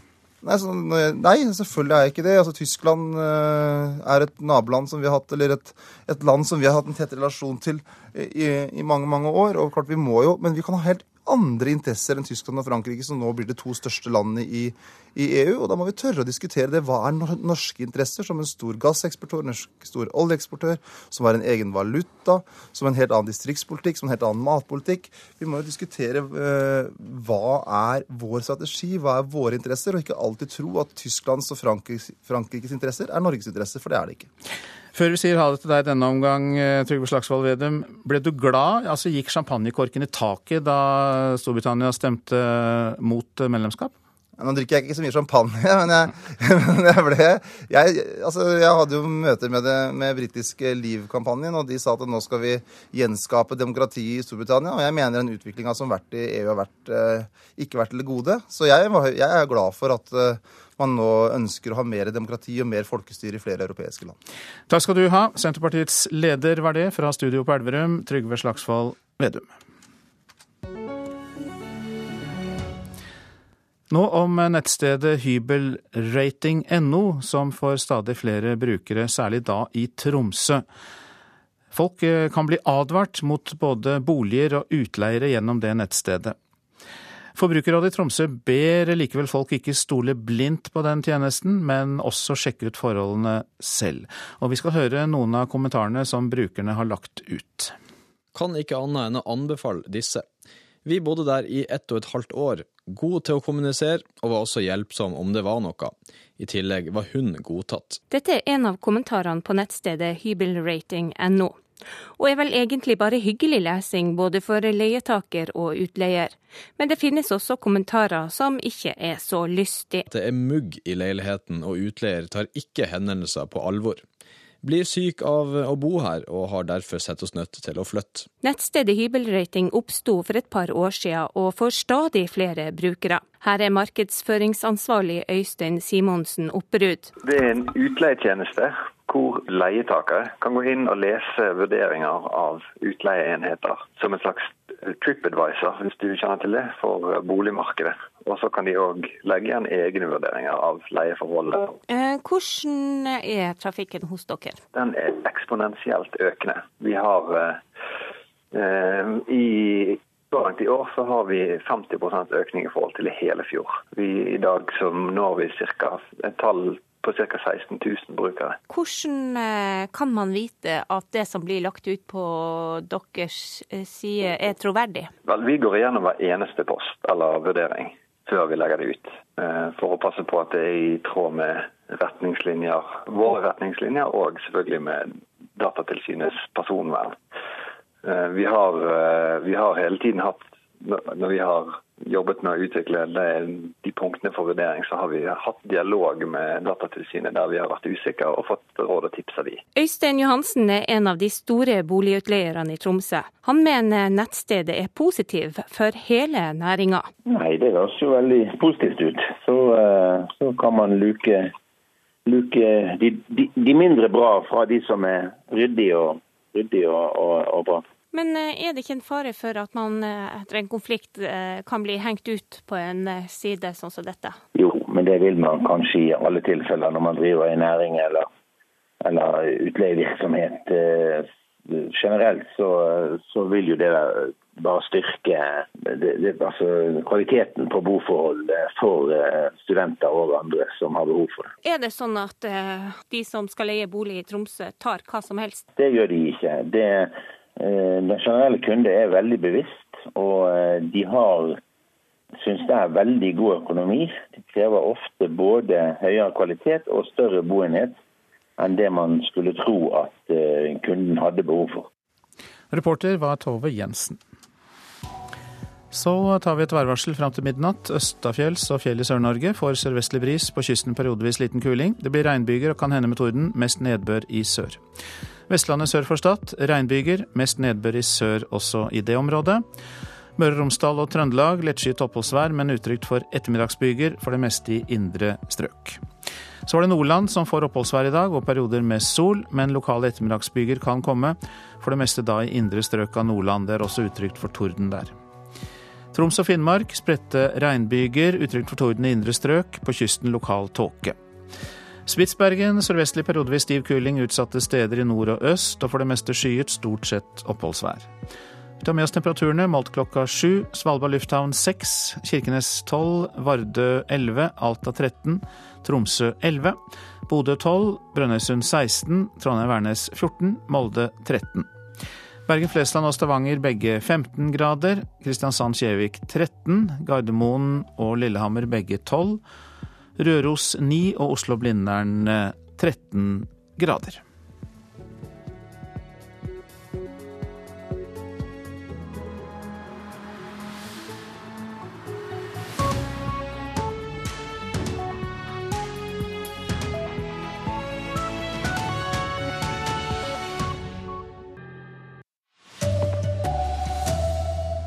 «19-åring pågrepet etter knivangrepet i London.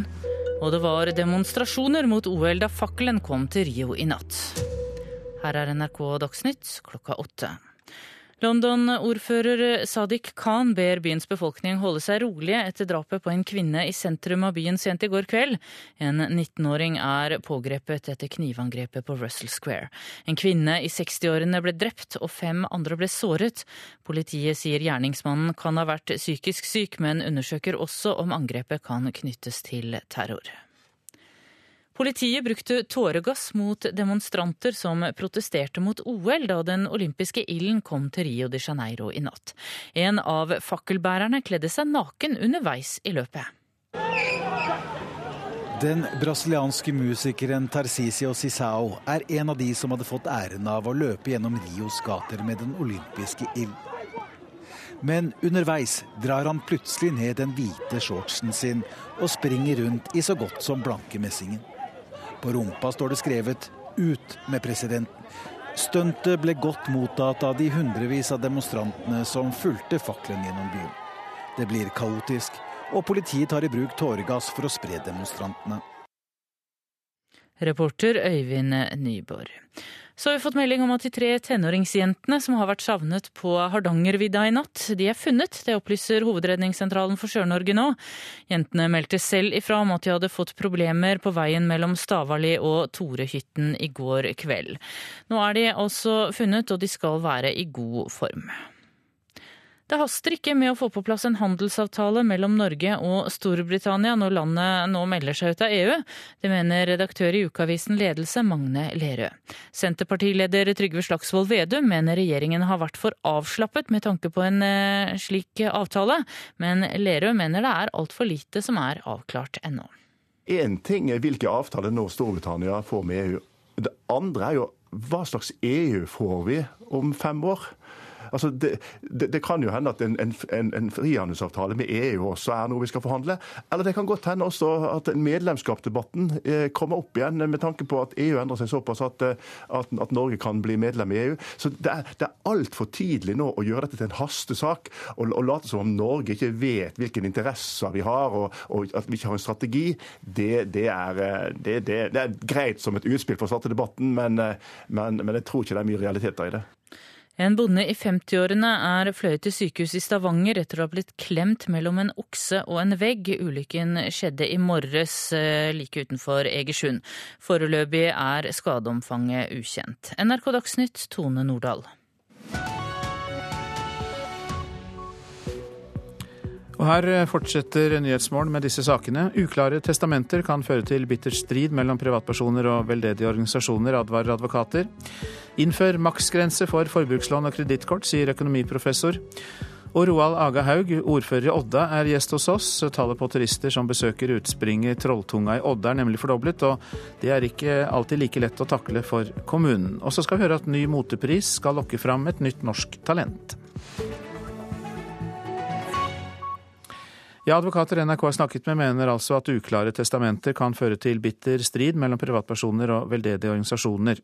Ifølge advokatene skal man være nøye med hvordan man ordlegger seg når man fordeler verdiene sine.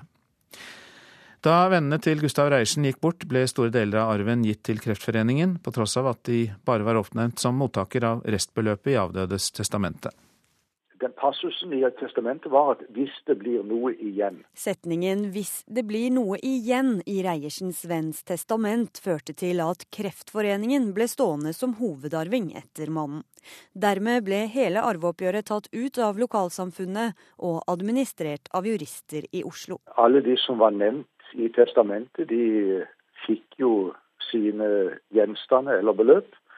Mens eh, denne ideelle organisasjonen, som da skulle få noe hvis det ble noe igjen, da faktisk juridisk ble stående som hovedarving. Ja, Det tror jeg nok fordi at det der er litt sånn teknisk. Advokat Randi Birgitte Bull er spesialist på arverett. Hun sier resten regnes som alt det det ikke står noe spesifikt om i testamentet. Ifølge Bull kan denne type begrepsbruk føre til tvister om fordelingen. Det er viktig at eh, man eh, tenker nøye gjennom hva man eh, tror man vil etterlate seg. Altså hvor store verdier det er, og, og hvordan det skal fordeles forholdsmessig mellom arvingene.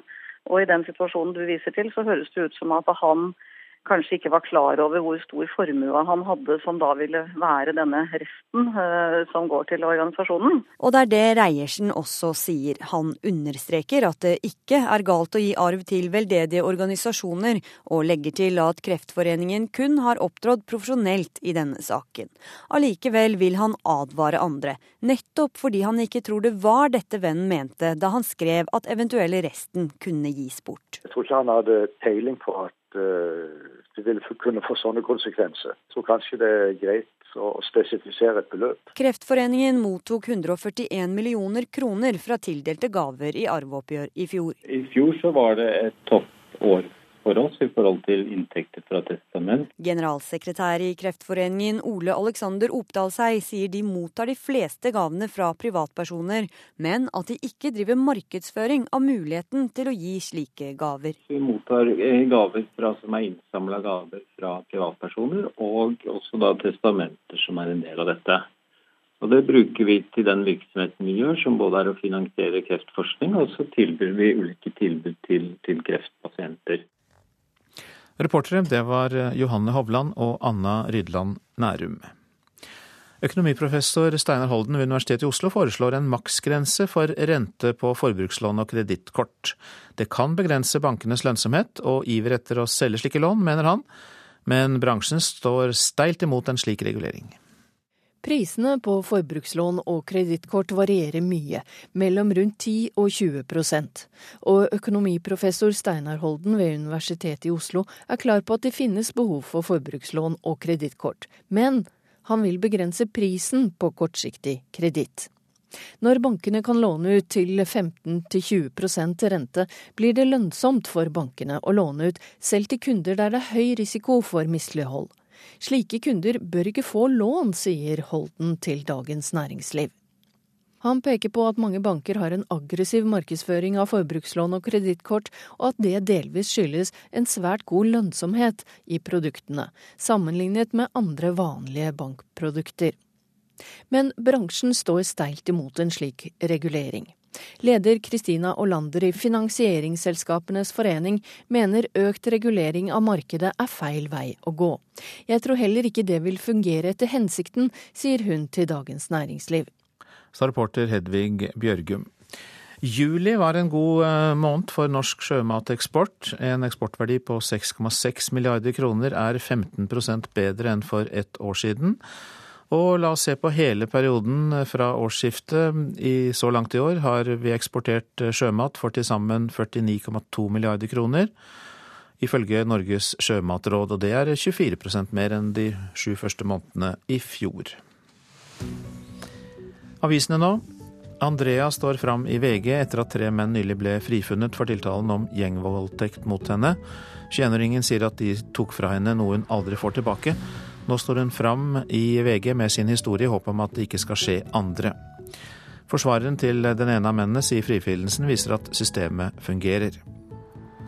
Massiv økning i Airbnb-leiligheter i de store norske byene kan vi lese om i Klassekampen. Antallet er firedoblet på to år, og avisa forteller om et nytt selskap som tar prosenter av leieinntekten mot å hjelpe folk til å legge leilighetene ut på nett og vaske og skifte sengetøy. Vi fikser på utseendet i lunsjen, er oppslaget i Aftenposten. Injeksjoner, laser og ultralyd blir brukt til ansiktsløftninger og til fjerning av rynker og fett. Norsk forening for estetisk plastikkirurgi er bekymret over at en slik rask såkalt softbehandling kan føre til flere komplikasjoner og feilbehandling. Studenter med pengesterke foreldre presser opp boligprisene i Trondheim, skriver Dagens Næringsliv. 40 leiligheter ble solgt etter en spesialvisning for studenter i juli. Det er i stor grad foreldrenes penger som hjelper studentene inn på boligmarkedet i Trondheim, opplyser eiendomsmegler 1 til avisa. Eilif Storslett Lund bor hos en venn og har flyttelasset i bilen. Nordlys forteller om boligkrisa i Tromsø, der gjennomsnittsprisen for et rom i et kollektiv er på 6133 kroner. Mange studenter har ikke funnet et sted å bo to uker før studiestart. Men eh, Bergensavisen snur på det på sin måte og forteller om eh, Marta Skog, Skogsholm, som på ett år fikk 450 000 kroner i fortjeneste på salg av en 41 kvadratmeter stor leilighet i Bergen. 21-åringen sier hun er fornøyd med en fortjeneste som tilsvarer en god årslønn. Kommunen bør ikke tilby solarium, er oppslaget i Stavanger Aftenblad. Stavanger svømmehall har et selvbetjent solarium, men Kreftforeningen mener kommunen dermed gir publikum et tilbud som innebærer helserisiko. Slå alarm om de fattige barna bak fasaden, skriver Dagsavisen. Finansbyråd Robert Steen sier han forstår at man rynker panna når Oslo har råd til å bygge en hoppbakke til 1,8 milliarder kroner, men samtidig som byen har 23 000 fattige barn. Tallet på turister som besøker utspringet Trolltunga i Odda er femdoblet på bare tre år, men ikke alle turene går like bra. Seinest eh, natt til i går måtte redningsmannskap til pers da et kjærestepar hadde gått seg fast. Og det var jo da den 13. redningsaksjonen ved Trolltunga i år. I den forbindelse har du kommet hit, eh, Roald Age Haug, ordfører i Odda. Velkommen hit. Takk for det. Før vi går inn på dette med de utfordringene alt dette besøket fører til for kommunen, beskriv Trolltunga for eh, oss som ikke har vært der. Ja, Trolltunga er et naturlig eh, utspring inne i Ringedalen, over eh, Ringedalsdammen, som er jo en flott kraftdam i dag, i et spektakulært naturområde. og Det er en 11 km lang gåtur inn til Trolltunga, og det er et spektakulært utsyn derifra. Og nå i dag så er det YouTube og Facebook som selger trolltunger over hele verden. Vi kan eh, egentlig ikke klare å begrense entusiasmen rundt det å, å komme til trolltunger fra alle verdens hjørner. Ja, Det høres jo fint ut å nærmest få gratis reklame, men ikke alltid like fint. Nei, det som vi selvfølgelig har utfordringer med, er at vi prøver å informere så mye som mulig, både på internett og med skilting osv. Og, og, og munnlig sett. Men likevel så er dette et så stort mål for folk internasjonalt at de vil gå til Trolltunga uansett. Og de ser fantastiske, øh, disse fantastiske bildene og setter seg dette målet, og er noen ganger ikke fysisk i stand til å gjennomføre turen. Er du og kommunen eh, i gang med tiltak? Har dere gjort noe for å hjelpe turistene slik at de unngår å komme i klemma? Ja, vi har et veldig godt eh, stisystem, da, der vi har ei stigruppe som eh, legger til rette og har heil, brukt hele sommeren nå på å legge planker eh, på myrer osv., så videre, sånn at det skal være lettere å gå. Samtidig så, så, rydder de langs stien. Nå skal vi sette opp noen sånne nødbuer i løpet av sommeren, der folk kan søke tilflukt dersom de ikke klarer turen. Eh, og vi har eh, en rekke skilt langs ruta som advarer folk og gir beskjed om at eh, hvis kommet, altså hvis klokka er blitt så og så mye når du er ved dette punktet, så må du snu, fordi da er det for langt, for langt til Trolltunga. Eh, og, og mørket faller på, og da kan det være farlig eh, når du skal returnere. Eh, sånn at Vi har gjort en hel rekke tiltak, og vi vil evaluere årets sesong òg, for å se hva som vi kan gjøre videre for å trygge turen. Ja, Dere jobber jo med dette og hjelper da turistene til rette, men kunne dere klart dere helt uten turister der? Nei, vi er jo glad for at folk kommer til Norge og kommer til vårt område. Og det er klart noen hadde steget fra noen få hundre mennesker til 100 000 kanskje i år. Kanskje 200 000 om noen få år. Mm. Så både for Norge og for regionen og for vår kommune så er jo dette en, et kjempepotensial. Eh, men det lar seg nok ikke stoppe, rett og slett, for dette er en så fantastisk tur. Eh, så vi må forsøke sammen med staten og sammen med fylket å legge til rette slik at uh, dette blir en positiv oppleving for flest mulig. Grunnen til at vi får økt antall aksjoner, er jo den enorme økningen i antall turister. Men eh, er det en øvre grense for hva Trolltunga og kommunen tåler? Vi tror det at kapasiteten rett og slett for å komme seg ut på Trolltunga og ta disse spektakulære bildene, kan ligge rundt 200 000 mennesker på en helårsbasis. Og, eh, men da prøver vi å strekke sesongen eh, et stykke. Eh, og folk kommer jo enten vi vil eller ikke, sånn at vi må bare på en måte prøve å legge til rette, og samtidig sørge for at næringslivet tjener penger på dette. da. Ja, for det kommer vel en god del penger inn på dette her til kommunen?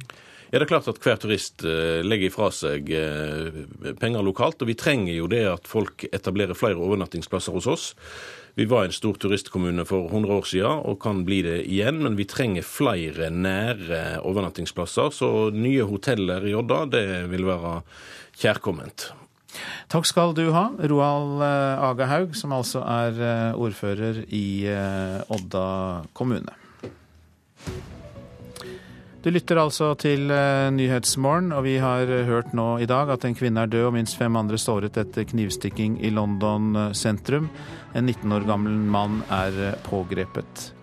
Uklare testamenter kan føre til bitter strid mellom privatpersoner og veldedige organisasjoner, har vi hørt. Det er advokater som advarer mot det. Og vi har også hørt at en økonomiprofessor ønsker å innføre maksgrense for forbrukslån og kredittkort, sånn at det ikke skal bli så fristende for eh, bankene å innføre slike. Nå skal vi høre at premier skal hjelpe norske motetalenter. Kleskjeden Warner gir 100 eh, 000 kroner til et ungt talent under moteuka Runaway i Oslo. Vinneren skal hjelpes videre til stor suksess. Vi håper vel å finne et stort designtalent. Så øh, håper vi å få valgt den riktige som vi tror vi kan hjelpe videre til og gi videre suksess, og være med på å skape en grobunn for videre suksess. Det sier René Høgstedt, marknads- og innkjøpsdirektør i Big Book. Sammen med Warner-gruppen lanserer de nå Big Book Runway Awards, en pris for unge klesdesignertalent. I premien er ei motevisning under Oslo Runway-banneret og 100 000 norske kroner. Men det er ikke pengene som blir viktigst for vinneren, mener Høgstedt. Det gir dem en anerkjennelse og et mål på å jobbe videre. Og ikke minst så håper vi på at gjennom en mentorordning som øh, vi setter opp for den som vinner, hvis vedkommende ønsker å benytte seg av det, at vi gjennom vår kompetanse og vår erfaring kan være med på å gi de grobunn for videre suksess og være med på å skape levedyktige konsepter. For det er det vi håper på. For å bli vurdert må designeren fylle ett eller flere av ulike kriterier som må være norsk eller basert i Norge. Den uavhengige nominasjonsjuryen består av bransjefolk innen ulike disipliner, design, foto, teori og antropologi, som sammen skal finne fem unge moteskapere. Høgstedt påpeker at målet er langt fra å lage klær som skal selges i Big Books egne butikker. Målet er å løfte fram et nytt talent som forhåpentligvis vil kunne være ei stemme i den internasjonale moteverdenen. Det betyr at de ønsker å ta dette her ut i den store verden, og, de, og vi kan hjelpe dem den veien. Eller det blir en start for dem, for dem til å komme inn i en, en mer kommersiell setting i Warner-gruppen f.eks. Det, det vil tiden vise. Samarbeidet er tiltenkt å være årlig tre år fram i tid, men Høgstedt tenker fort at det kan bli mer. Så får vi se hvor lenge det bærer efter det, men vi syns det er utrolig spennende å, å jobbe med unge talenter. Så, så dette her blir kjempegøy. Vi er spennende. Og reporter var Andreas Hadsel Opsvik. Og vi gir oss ikke med det. Vi skal snakke mer om dette tiltaket. Ida Eritsland, velkommen. Takk. Du er jo da spaltist i Dagens Næringsliv, D2, og eh, foreleser om mote ved Kunsthøgskolen i Oslo og ved Høgskolen i Oslo Akershus. Og så sitter du i den juryen som skal nominere talenter. Hva er dere ute etter når dere leter etter en eh, prisvinner? Vi ser vel etter noen som på en eller annen måte har markert seg i forkant. Uh, enten ved egne initiativer, at man har på et eller annet vis klart å markere seg med en, det vi tenker kan være en unik stemme, og har lyst til å se dem på en større scene, da. Er det en spesiell type klær dere er ute etter?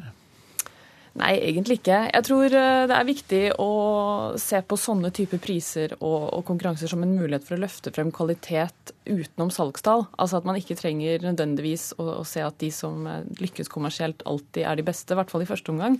Så, så her eh, ser vi nok heller på et helhetlig konsept og en nerve som vi, vi kanskje kjenner igjen og ønsker å se videreutviklet. Men det er en kommersiell aktør som leverer pengene? Ja, det, men det her er ikke uvant. Altså, det er en lang tradisjon for sånne konkurranser uh, i bransjen. Uh, legender som Yves Saint Laurent og Karl Lagerfeldt uh, kom henholdsvis opp på første- og andreplass i en strikkedesignkonkurranse på 50-tallet okay. og fikk sin start der. Så, så, dette er veldig vanlig. Og de kommersielle større aktørene står sånn sett ofte bak det første pushet som unge designere da får inn i en veldig krevende bransje. I tillegg til pengene på 100 000 kroner, hva gjør det til en attraktiv pris, syns du, for uh, unge moteskapere? Jeg tror veldig mange unge moteskapere i, i, Norge kanskje spesielt savner anerkjennelse fra bransjen. Altså et signal da, på at de er ønsket, og at man vil trekke dem opp og frem. Sånn sett så, så, tror jeg dette er veldig viktig. Og du ser jo f.eks. Et, et stort moteland som uh, Storbritannia, eller London da, spesielt, som har en blomstrende industri med unge designere, har uh, gjennom 15 år skapt dette gjennom nettopp sånne Eh, inkubasjonsprogrammer, priser, eh, mentorships, som de sier. Eh, og fått nesten samtlige av de som agerer der i dag, dit gjennom disse ordningene. Nå er det jo da en uh, moteuke på gang, Runaway i uh, Oslo. Og um, hva vil du si om nivået på motemiljøet i Norge, som sikkert da blir eksponert der? Jeg vil si at det er en stor økning på kort tid. Eh, Oslo Runway har vært en eh, veldig viktig arena å, å samles om på mange måter. Eh, det er fortsatt eh, kanskje et stykke mellom de, de store eh, Hva skal jeg si? Man, man, har mange unge talenter. Man har eh, de store etablerte. De som finnes i sjiktet mellom, som på en måte evner å etablere seg kommersielt og samtidig holde på et særpreg, de gleder jeg meg til å se flere av. Du gleder deg til det, og det er vel 23. august, er det ikke det? Ja. Tusen takk for at du kom til oss, Ida Eritsland, som altså er spaltist i Dagens Næringslivs eh, D2, og også foreleser om nettopp det vi snakket om, nemlig mote. Notodden Bluesfestival går vi til nå, åpner i ettermiddag for 29. gang. Og reporter Jannike Møller Andersen, du er med oss. Du er på plass utenfor Blueshuset, så vidt jeg vet. Og er eh, festingen allerede i gang? Du, her begynner Notodden å våkne til liv. Det har regna i natt eh, og vært litt grått og trist, men nå begynner det å bli lysere. Og en som er klar for festival, det er deg, festivalsjef Jostein Forsberg. Hvordan er formen? Den er kjempebra. Jeg er veldig klar for fire dager med festival nå, og anslaget for eh, åpningsdagen er eh, gjort. Og det er bare å kjøre på nå. Det er herlig. Det er altså duka for den 29. utgaven av Bluesfestivalen, og en haug med artister står på programmet i år. Hva vil du trekke fram som årets eh, høydepunkter? Uh, Supersonic Blues Machine, som er et uh, prosjekt som jeg ikke skjønner hvordan vi kunne få til, med artister som Billy Gibbons fra CC Top og Steve Lukather fra Toto og Robin Ford og Walter Trout på samme scene. Det er egentlig en umulighet, men Notodden får det til hvert år. Og så eh, dukker det også opp eh, band som Hellbillies, Big Bang og Bo Kaspers orkester på artistlista. Hvorfor hanke inn slike band til en bluesfestival? Det er for å lage en variert og god festival. Festivalen har en tydelig bluesprofil, og så er de artistene som du nevner er grenser inn mot vårt uh, segment. og Derfor så er det fint å kunne ha, sånn at vi har en variasjon i forhold til det som er på en måte folk, den folkelige delen av festivalen også. Notodden Bluesfestival, alle skal med. Det blir noe for enhver eh, smak, altså. Men en av de virkelig store konsertene i år blir holdt på avslutningsdagen til søndag. Da skal dere arrangere en egen hyllestkonsert til den norske bluespioneren Kristin Berglund. Og hvorfor har dere valgt å gjøre det? Det er uh, ti år siden en stor uh, norsk uh, musikkpioner gikk bort. Og det syns vi har all grunn til å markere. Kristin Berglund eh, var en pioner ikke bare for eh, den kvinnelige delen av Musikk-Norge eh, som kvinnelig artist, men hun var en pioner som artist. Og både som sanger, gitarist og komponist. Og hun har en låtskatt som det er verdt å på en måte bringe videre til en ny generasjon, så derfor så gjør vi det. Og på denne konserten så er det også flere store navn som skal bidra. Ja, og variert. Og eh, det er hyggelig at vi kan eh, ta med en artist som eh, Åse Kleveland f.eks. Og damer i blues med Rita Engedalen og Margit Bakken. Knut Reiersrud, som var helt i pionertida til Kristin Berglund en nær samarbeidspartner er med. Reidar Larsen og veldig mange andre. Og konserten er gratis i samarbeid med LO, så dette her blir en veldig fin og verdig avslutning på en god festival. Du Forsberg, nå står vi og ser utover eh, byen som begynner å våkne til liv. Som jeg sa innledningsvis, eh, det har vært litt grått og trist her den morgenen her, men eh, det lyser opp. Og når vi ser på Yr, så er det bare meldt bedre og bedre vær. Alt ligger til rette for en strålende festivalhelg. Ja, det gjør det. Og jeg syns at det er så deilig både for de frivillige, alle de frivillige som er med og får til en sånn fantastisk festival som Notodden er. Og så ikke minst, da, for jeg syns det er så fælt når, på natta når jeg hører å, nå regner det. Å nei, stakkars dem som camper. Men nå blir det kjempefint vær i hele festivalen, så det blir bra. Da sier vi tusen takk til Jostein Forsberg, som er festivalsjef for Notodden Bluesfestival. Vår reporter der, det var altså Jannicke Møller Andersen. I disse dager arrangeres det ballettsommerskole i Den norske opera og ballett. Og med det så får barn og unge fra hele landet mulighet til å danse der idolene deres danser.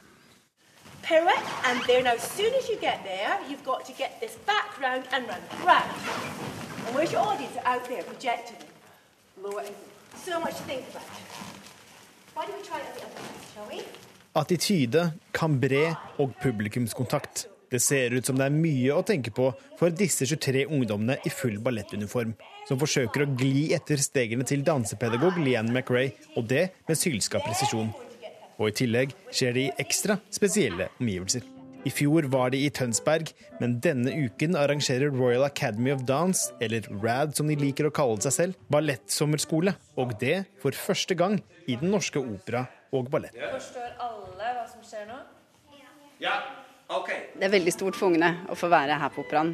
Eh, og de pedagogene vi har, er også utrolig inspirerende. Så de, de har en eh, Jeg tror ikke de egentlig vet hvor heldige de er som har fått de lærerne hit, altså. Forteller initiativtaker og national manager i Rad Norge, Karina Lund. Og et av disse heldige barna er elleve år gamle Susanna Terjesdotter Melhus, som har kjørt helt fra Kristiansand for å denne uken kunne øve i Nasjonalballetten sine rom. Jeg har tenkt å bli en eh, stor ballettdanser når jeg blir voksen. og jeg føler at det er livet mitt å danse. Det er ganske moro å danse her. Og jeg, når jeg var her de første dagene i går, sånt, så kunne jeg ikke helt tro at jeg var her. Så. Hva er det som er så spesielt med å være her? Det er uvant, og det er jo her den nasjonalballetten holder til. Og det er masse folk rundt omkring, og jeg kan se inn det store saler og alt det. Det er en helt eh, egenartet eh, inspirasjon i seg selv. De virker veldig avmålt nå. Eh, så, sånn som jeg snakker med dem, hvordan går det og sånn. Men jeg vet at det bare bobler inni dem. De er helt på tuppa. Altså Bygget i seg selv er jo, er jo kjempeinspirasjon. Og da i tillegg få være i studioene, kanskje gå i fotsporene til eh, idolene deres, ikke sant. Eh, Ingrid Lorentzen møter du i gangen, og Nasjonalballetten driver og danser og øver bak lukkede dører. Vi kan snike en titt i vinduet og Ja, det er, ja, bedre får du det ikke. Begge er enige om at det å drive med ballett, og kanskje spesielt på sommerskole i selve operaen, er tøft. Og så er det veldig hardt arbeid, så en må være veldig flink. Men det liker jeg å tenke på at jeg er veldig flink og sånne ting. da. Lund forteller at Norge trenger å fostre fram flere norske ballettdansere, noe som gjenspeiler seg i opptaket til Balletthøgskolen ved Kunsthøgskolen i Oslo, som skolen selv bekrefter ovenfor NRK. Vi får ikke frem så mange norske, eh, og det, det er litt synd. Vi, vi har mange moderne dansere. Vi har mange jazzdansere, musikaldansere.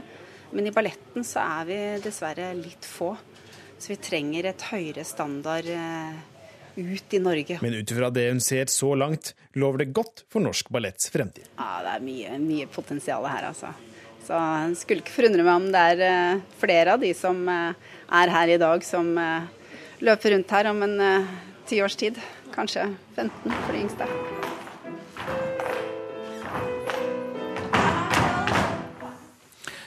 Reporter var Nikolai Voldsdal. Etter eh, Dagsnytt skal EØS- eh, e og EU-minister Elisabeth Aspaker svare på Senterpartiets krav om en redegjørelse fra statsministeren om eh, norsk strategi etter brexit.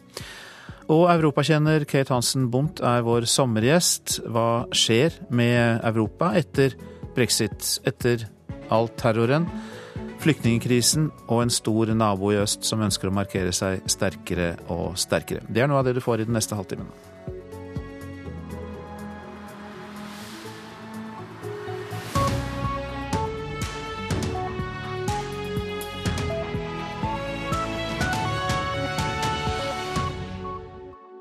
Paven møtte søstrene. Jakten på Norges beste dikt er i gang. En dag på plassen. Søstrene var kommet langveisfra med hver sin hund. Hvilket norsk dikt lever egentlig best opp til kategorien dikt og forbannet løgn? Jeg har tenkt at det er kanskje mer rettet mot barn. Det er så lekent, og, og ting blir snudd på hodet, og det er, det er gøy. En skarpskodd jury diskuterer, men til slutt er det du som bestemmer hvilket som er best. Dikt og forbannet løgn hver lørdag i hele sommer klokken 15 på NRK P2. Tenåringene som var savnet på Hardangervidda er funnet i god behold. Og 19-åringen som er pågrepet etter knivdrapet i London, kan ha vært psykisk syk, sier politiet. Her er NRK Dagsnytt klokka 8.30. De tre tenåringsjentene som har vært savnet på Hardangervidda er funnet i god behold. Jentene meldte selv fra om at de hadde fått problemer på veien mellom Stavali og Torehytten i går kveld. Og nå har de altså kommet til rette, det sier operasjonsleder Jan Tore Heggholmen i Vest politidistrikt. Klokken 07.44 fikk vi melding om at de tre savnede jentene var funnet av et helikopter. Og de ble flydd ned til Kinsarvik. De skal være i god form, men litt kalde. Har dere fått vite noe mer om hva som eh, skjedde med de etter at kontakten ble brutt i går? Nei, men det kan se ut som de ikke kom helt fram til målet. De ble funnet et lite stykke fra denne Tore-hytta. Du sa litt i sted, men hva skjer med jentene nå? De blir iallfall flydd ned til Kinsarvik, og etter det så er jeg litt usikker. Det er iallfall ikke sagt noe om at de trenger noe helsesjekk eller behandling på sykehus, legevakt. Jan Tore Heggholmen i Vest politidistrikt ble intervjuet av Roy Hilmar Svendsen. 19-åringen som er pågrepet etter knivdrapet i London kan ha vært psykisk syk, sier politiet, men politiet utelukker ikke at angrepet kan knyttes til terror. En kvinne i 60-årene ble drept, i tillegg ble én kvinne og fire menn skadd. 19-åringen ble pågrepet like etter angrepet. Early indications suggest that mental health is a significant factor in this case, but of course, at this stage, we should keep an open mind regarding motive, and consequently, terrorism as a motivation remains but one line of inquiry for us to explore. Psykisk helse er en betydelig faktor i denne saken, men vi kan ikke utelukke terror i dette stadiet av etterforskningen, sier Mark Rowley i Scotland Yard. Reporter Øyvind Nyborg. En 50 år gammel bonde er fraktet til sykehus med luftambulanse etter at han ble klemt mellom veggen og en okse på Helleland i Egersund i dag tidlig. Ulykken skjedde i forbindelse med arbeid på gården, sier skadestedsleder Jone Uleberg. I uheldige omstendigheter. Eh, det var visst flere okser som gikk inn i innhegning. Og den ene oksen lå nede og lå litt forkjært, så de skulle prøve å hjelpe han på beina. Og I forbindelse med den hjelpinga så ble de andre oksene noe oppildna, og så ble han klemt av den ene oksen. Og Bakparten som klemte han inn mot en innredning, så vidt jeg har forstått. Hvor alvorlig er skadeomfang? Det er uvisst. Mannen ble henta med luftambulansen. NRK Dagsnytt var ved Tone Nordahl.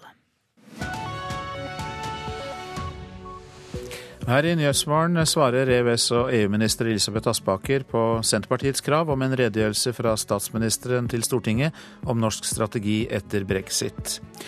Og europakjenner Kate Hansen Bundt er vår sommergjest litt lenger ut i sendingen. Hva skjer med Europa etter brexit? Terror, flyktningkrise og Russland-frykt.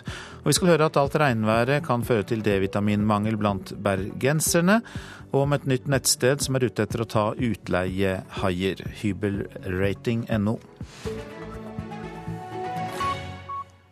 bare send en e-post til Storbritannia og be om en frihandelsavtale. Verre er det ikke. Ja, det mm, sier Magne Lerøe, redaktør i ukeavisen Ledelse. Det er hans reaksjon på at Senterpartiet krever en redegjørelse fra statsministeren om norsk strategi for handel med Storbritannia etter brexit. Men det har altså ingen hast, ifølge ukeavisens Ifølge uh, Magne Lerøes uh, Ifølge Magne Lerøe. Men det er jo ikke en sånn hastsak at vi nå liksom ligger for, ligger for langt etter. Ja, Hvorfor ikke når 28 land allerede har vist en interesse for ja, å inngå en handelsavtale med Storbritannia? Men, men, men, man kan jo sende en mail ikke sant, og si at vi er interessert, vi også. Så, så det er jo ingen realiteter i det er, det er, ikke forhandlinger. Storbritannia vet jo selvsagt at Norge er interessert i å ha en handelsavtale med dem. Senterpartiet krever at statsministeren redegjør om en norsk strategi etter brexit, når Stortinget samles i oktober. Partileder Trygve Slagsvold Slagsvold Vedum sier regjeringen har vært altfor passiv etter at det ble klart at Storbritannia forlater EU. Så når Stortinget nå møtes eh, i høst, så må statsministeren komme dit og redegjøre hva er strategien. Så du får en bred debatt i Stortinget med regjeringa til stede om hva vi nå gjør. Både når det gjelder en handelsavtale med Storbritannia, og når det gjelder videre samarbeid med EU. Men dette er jo mest til innvortes bruk og en god sak for Senterpartiet påpeker ukeavisens redaktør Magne Lerøe. Og Vi ser nå på en måte et mønster at, eh, at, eh, Senterpartiet de vil nå stille seg i front, og de vil ha store fordeler av dette, for de vet hva de vil. Mens de andre partiene de, de er ikke helt sikre på hva de vil, fordi at utviklingen i EU og i Storbritannia den endrer seg. Men, men, men Senterpartiet vil skrote EØS-avtalen vil ha en frihandelsavtale. Det er ikke noe nytt, det har de ment i mange år. Usikkerheten er likevel stor om hva slags handelsavtaler Storbritannia vil få, både med EU og andre land etter at britene stemte unionen ut av EU. Senterpartiets partileder mener regjeringen må tenke på norske interesser, og at det haster. Vi ser nå at land etter land rundt i hele verden posisjonerer seg i relasjon til Storbritannia. Det er over 28 land som har bedt om en frihandelsavtale. Vi har vært passive fra norsk side. Og da må regjeringa nå si hva skal, er deres strategi. Og vi hørte reporter Hedvig eh, Bjørgum eh, her, i tillegg til Trygve Slagsvold Vedum da, og Magne Lerøe. EØS- og EU-minister Elisabeth Aspaker, nå er du med oss, og Vedum etterspør jo regjeringens strategi etter brexit. Og hvor er den? Altså Det som er viktig, er jo at når Vedum er så opptatt av folkestyret, så er det kanskje nå aller viktigst å høre hva britene sjøl eh, ønsker seg. Men Vedum tar helt feil hvis han tror at regjeringa har sittet med hendene i fanget eh, etter eh, folkeavstemninga i Storbritannia. Vi har satt i gang et bredt analysearbeid. Det avtales nå møter med si, både for mitt vedkommende med brexit-minister David Davis med handelsministeren eh, for Monica Mæland. Eh, og den norske utenriksministeren skal møte Boris Johnson i løpet av høsten. Og Vi følger også tett det arbeidet som gjøres i Brussel. Men faktum er jo i dag at ikke vet vi hva britene vil. Ikke vet vi hva slags type avtale Storbritannia vil få med EU i fremtida. Og ikke vet vi heller om det er en type avtale som Norge kan slutte seg til eller om vi må forhandle en bilateral avtale. Nå sa jo Vedum til meg for en times tid siden at eh, regjeringen burde reist til London med én gang etter brexit og erklært sin eh, interesse for fortsatt gode forhold til Storbritannia og eventuelt en handelsavtale. Eh, den norske statsministeren var tidlig ute og både gratulerte Theresa May som ny statsminister i London og i Storbritannia, og understreka det nære forholdet, og at det er et bilateralt forhold som Norge fortsatt ønsker skal kunne utvikle seg positivt i tida som kommer. Jeg tror britene eh, i aller høyeste grad også vet at eh, vi ønsker et godt forhold.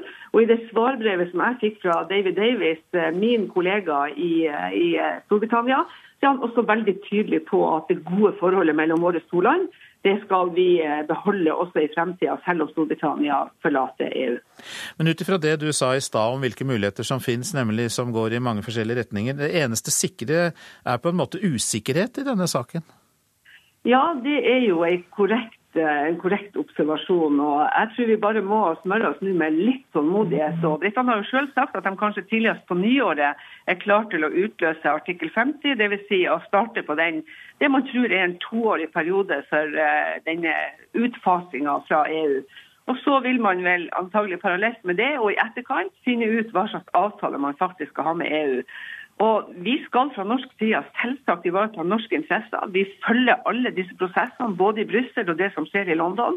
Men eh, Slagsvold Vedum er hakket, hakke for, for, langt eh, og for uh, utålmodig her. For det er altså ikke mulig i dag når vi ikke vet hva britene sjøl vet og sette seg, eh, vil og sette seg til noe forhandlingsbord. Eh, kan vi ikke bare henge i skjørtene på EU da, og se hva de får til med Storbritannia, og så tar vi det derfra? Altså vente i noen år? Ja, altså Det kan jo være en mulighet, kanskje, hvis man forhandler, hvis britene får til en avtale med EU som EØS-landene kan slutte seg til. Det kan være én opsjon. Hvis det ikke er mulig, så må vi jo forhandle en, en egen avtale. Men det blir jo bare spekulasjoner nå, og, derfor så er jo eh, det, er jo for tidlig i dag. Det har jo Magne Lerøe også helt rett i. Det er for tidlig i dag. Vi vet jo rett og slett ikke hva slags eh, muligheter som vil ligge der eh, før eh, EU og Storbritannia har eh, landa sin avtale. Elisabeth Aspaker, takk for at du var med oss, EØS- e og EU-minister i eh, regjeringen. Politiet brukte tåregass mot demonstranter som protesterte mot OL da den olympiske ild kom til Rio de Janeiro i natt. En av fakkelbærerne kledde seg naken underveis i løpet i protest.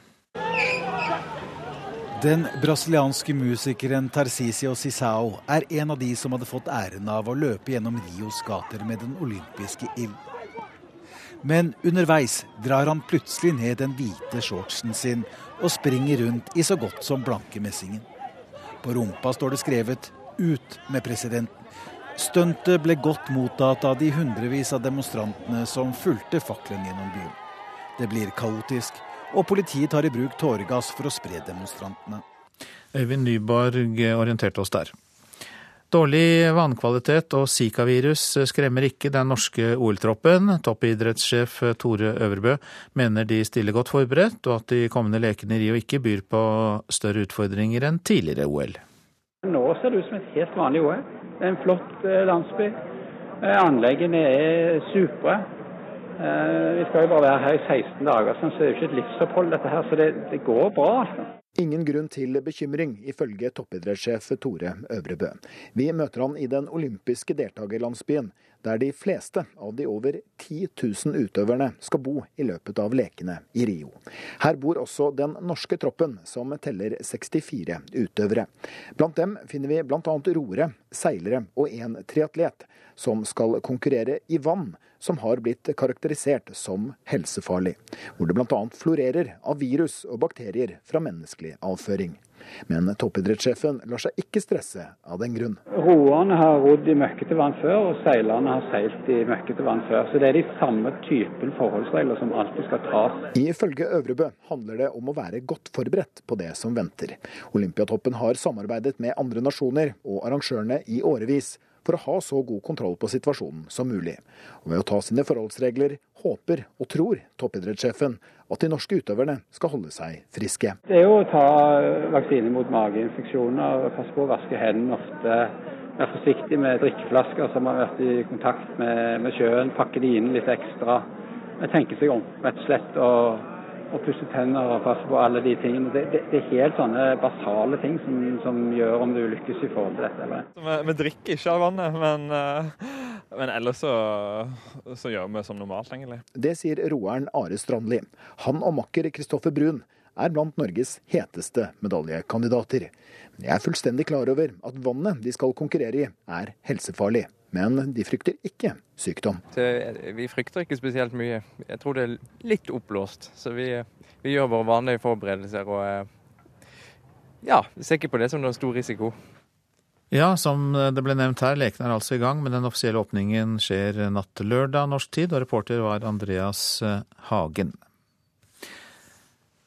Bergenserne advares mot D-vitaminmangel i vinter. Det har regnet i ett i sommerferieukene, og det gjør at man ikke får nok D-vitamin gjennom sollyset. Spesialist i allmennmedisin Kirsten Rokstad ber folk passe på at de får i seg nok av det på andre måter. Det øser ned i Bergen. Juli har ikke vært våtere på nesten 50 år. Og folk på gata de er lite imponerte over sommerværet. Det har vært shit, shit, shit. Det er ikke noe mer å si om det. Jeg syns juni var fin, men juli har vært helt vanvittig. Jeg liker regn og kler meg etter regnet, men nå har det vært litt drygt også. Når det regner så mye, så eh, kan det påvirke vitaminer som vi trenger å ha. Det sier spesialist i allmennmedisin Kirsten Rokstad. Og det er særlig D-vitaminlagere som får lide under regnet. D-vitaminnivået blir lavere. Det er helt klart. Så hvis ikke du får sollys andre steder ifra, så kan du gå i en mangel. Mangel på D-vitaminer kan få alvorlige konsekvenser. Altså Det verste er jo eh, på lang sikt at du kan få eh, benskjørhet. Og du kan få andre metabolske sykdommer som et resultat av det. I et kortere perspektiv så er det jo trøtt og slapp og uopplagt og, som er det viktigste. Professor emeritus ved Universitetet i Oslo, Johan Moan, har forska på hvordan D-vitamin blir dannet i kroppen. Når jeg er overskyet vær, så må man ty til de andre tre metodene, nemlig enten å reise til Syden og, og gå litt forsiktig i solarium, eller å spise D-vitamin eller drikke, drikke tran. Og Sissel Sæther har tatt grep for å sikre seg nok sol i år. Vi skulle til Skottland, og så har vi avbestilt den, og så har tatt til Tenerife i høst isteden. Der er det sol. Ja da, der har vi vært før. Da får vi håpe at D-vitamin kommer gjennom sollyset, og reporter var Marte Njåstad. Klokka er nettopp passert 8.45, og vi har disse hovedsakene. De tre tenåringsjentene som har vært savnet på Hardangervidda, er funnet i god behold. De er kalde, men i god form, sier operasjonsleder Jan Tore Heggholmen i Vest politidistrikt. 19-åringen som er pågrepet etter knivdrapet i London, kan ha vært psykisk syk, sier politiet, men politiet utelukker ikke at angrepet kan knyttes til terror. En kvinne i seksårsalderen ble drept i knivangrepet. Senterpartiet krever en redegjørelse fra statsministeren om ny norsk strategi etter brexit. EØS- og EU-minister Elisabeth Aspaker sa at eh, det ikke er nødvendig, og at regjeringen er forberedt og arbeider med saken. Altså forholdet til Senterpartiet et, Nei, forholdet til Senterpartiet. Forholdet til Storbritannia skal det være etter eh, brexit.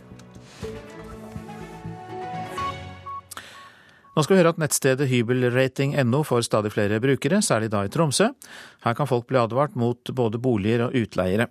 Men Forbrukerrådet i Troms ber folk ikke stole blindt på tjenesten. Sjekke ut forholdene selv er også nødvendig. Her er noen av kommentarene som brukere har lagt ut. Kan ikke annet enn å anbefale disse. Vi bodde der i ett og et halvt år, god til å kommunisere, og var også hjelpsom om det var noe. I tillegg var hun godtatt. Dette er en av kommentarene på nettstedet hybelrating.no. og er vel egentlig bare hyggelig lesing både for leietaker og utleier. Men det finnes også kommentarer som ikke er så lystig. Det er mugg i leiligheten, og utleier tar ikke henvendelser på alvor. Blir syk av å bo her, og har derfor sett oss nødt til å flytte. Nettstedet Hybelrating oppsto for et par år siden, og får stadig flere brukere. Her er markedsføringsansvarlig Øystein Simonsen Opperud. Det er en utleietjeneste hvor leietakere kan gå inn og lese vurderinger av utleieenheter som en slags TripAdvisor, hvis du kjenner til det, for boligmarkedet.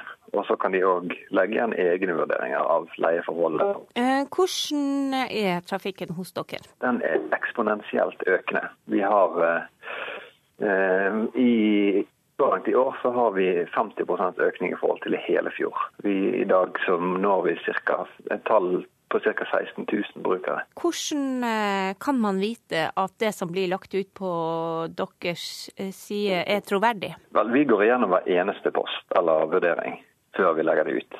Eh, for å passe på at det er i tråd med retningslinjer, våre retningslinjer og selvfølgelig med Datatilsynets personvern. Vi har, vi har hele tiden hatt, når vi har jobbet med å utvikle de punktene for vurdering, så har vi hatt dialog med Datatilsynet der vi har vært usikre og fått råd og tips av de. Øystein Johansen er en av de store boligutleierne i Tromsø. Han mener nettstedet er positiv for hele næringa. Nei, det høres jo veldig positivt ut. Så, eh, så kan man luke, luke de, de, de, mindre bra fra de som er ryddige og, ryddig og, og, og bra.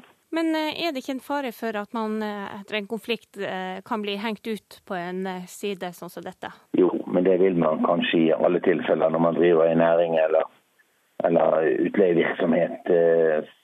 Generelt så, så, vil jo det bare styrke det, det, altså kvaliteten på boforhold for studenter og andre som har behov for det. Er det sånn at de som skal leie bolig i Tromsø tar hva som helst? Det gjør de ikke. Det Eh, den generelle kunde er veldig bevisst, og eh, de har syns det er veldig god økonomi. De krever ofte både høyere kvalitet og større boenhet enn det man skulle tro at eh, kunden hadde behov for. Reporter Tove Jensen.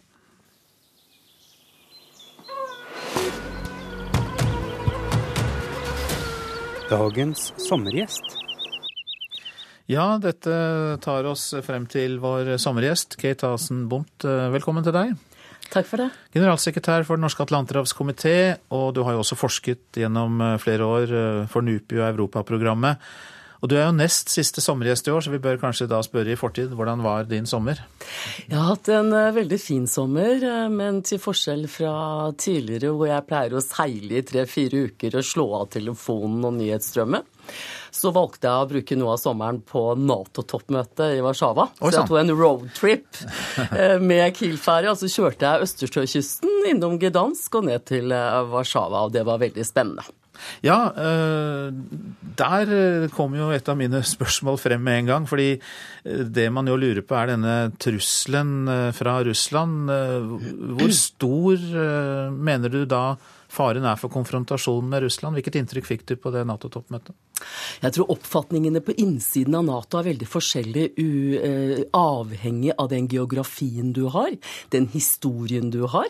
På veien ned var jeg innom Gdansk. Der er det blitt et nytt, fantastisk museum om solidaritet og kommunismens fall, som gjør sterkt inntrykk. Og det er klart disse landene har en helt annen bakgrunn og frykter Russland i større grad enn hva Norge gjør, som har hatt et godt samarbeidsforhold med Russland i mange, mange år. Men er det da smart å sende soldater til Baltikum? Vil ikke det være bedre å satse på fortsatt dialog? Altså at det er et for eh, raskt å ta et sånt grep? Jeg tror for å berolige egne allierte i egen allianse, så må man gjøre noe for å sannsynliggjøre at de kan bli forsvart ved et eventuelt angrep. Derav har man nå stablet på bena fire bataljoner som skal plasseres i Baltikum og Polen. 4000 soldater, eh, grovt regnet. Eh, samtidig så har man jo dialog med Russland, og man gjennomførte også et møte i Nato-Russlandsrådet rett etter Warszawa-toppmøtet. Så jeg opplever vel at man prøver å balansere balansere dette på innsiden av Nato. Men det er mange nasjonale interesser som skal ivaretas. Og så hadde du jo også ferie i et av de landene som, eh, i tillegg til Russland, virkelig har preget nyhetsbildet i sommer. Ja, vi eh, så på det stabilt ustabile været i Norge og, og kuttet ut å seile, så vi tok en liten tur til Frankrike 14. juli. Oi. Ankom mm. den dagen hvor det store terrorangrepet i NIS var. Og det er klart det preger eh, landet i, i, stor grad. Og det er jo fortvilende fordi det skaper frykt. Det skaper eh, mistillit til egne politiske institusjoner. Vi så når den franske statsministeren kom på besøk til NIS for å meddele sin oppriktige sorg, så ble han buet ut. Altså fordi Frankrike har nå gjennom ett og et halvt år blitt utsatt for mange terroraksjoner. Denne mistilliten, hvordan tror du den kan komme til å prege Europa i verste fall? Jeg tror dette er eh, terroristenes opprinnelige strategiske mål. Det er å skape uorden i våre samfunn. Eh, det å eh, skape mistillit til de politiske institusjonene. Både våre, eh, altså EU, Nato, de overordnede samarbeidsorganisasjonene, men også internt i det enkelte land. Og vi har jo sett, bl.a. i New York Times sendte en video i går, hvor terrorister oppfordres til å dra tilbake til Europa og skape og gjennomføre denne type enkle enkle, egentlig, terroraksjoner for å eh, skape forvirring i egne samfunn. Hvordan klarer europeiske land å samarbeide for å forebygge terror? Ja, dette er jo vanskelig eh, fordi eh, de ulike landene er ulikt rammet. Man har ulik befolkningssammensetning. Man har ulik sårbarhet. Men man må jo få til felleseuropeiske verktøy for å møte dette. Vi så jo i dag så var det et angrep i London. Men så skal man jo si Man må skille mellom det som er IS-inspirert, eller rett og slett organisert fra IS, og det som skyldes suicidale mennesker som er ute etter å hevne sin uh, dårlige plassering i samfunnet. Uh, og så har jeg lyst til å nevne at det dør jo forferdelig mange mennesker i trafikken hvert eneste år. Eh, mange av de er jo selvmordsulykker.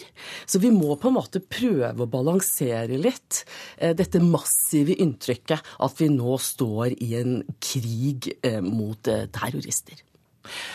Men EU og Europa har jo blitt filleristet pga. dette og andre ting. Altså Storbritannia forlater unionen. Vi har terror, vi har flyktningkrisen som vi ikke har snakket om, men som fortsatt er der. Eh, og forholdet til Tyrkia, der det har vært et eh, kupp og der menneskerettighetene er eh, ille ute, virker det som. Alt dette fører det til veldig store endringer av det Europa vi kjenner i dag? Jeg tror vi må se på de grunnstrukturene som er i endring, og de har med helt andre forhold å gjøre. De har med at eh, maktforholdene globalt er i endring. Hele globaliseringen med eh, hvor den økonomiske makten har flyttet seg østover, eh, derav også den politiske. Lenger, lenger øst enn Russland, da? Lenger øst enn Russland, til Kina, mm. med de nye vekstøkonomiene, som utfordrer våre eh, eh, lands økonomiske systemer, velferdssamfunnet. Sånn at man må kanskje ta et steg tilbake, tenke nytt, finne nye løsninger. Og når det gjelder brexit, så har jeg lyst til å si i stedet for å idiotforklare de som stemte Storbritannia ut av EU, så bør man spørre dem hva tror dere Eh, vil eh, Altså, utenforskapet til EU eh, vil føre med seg av goder.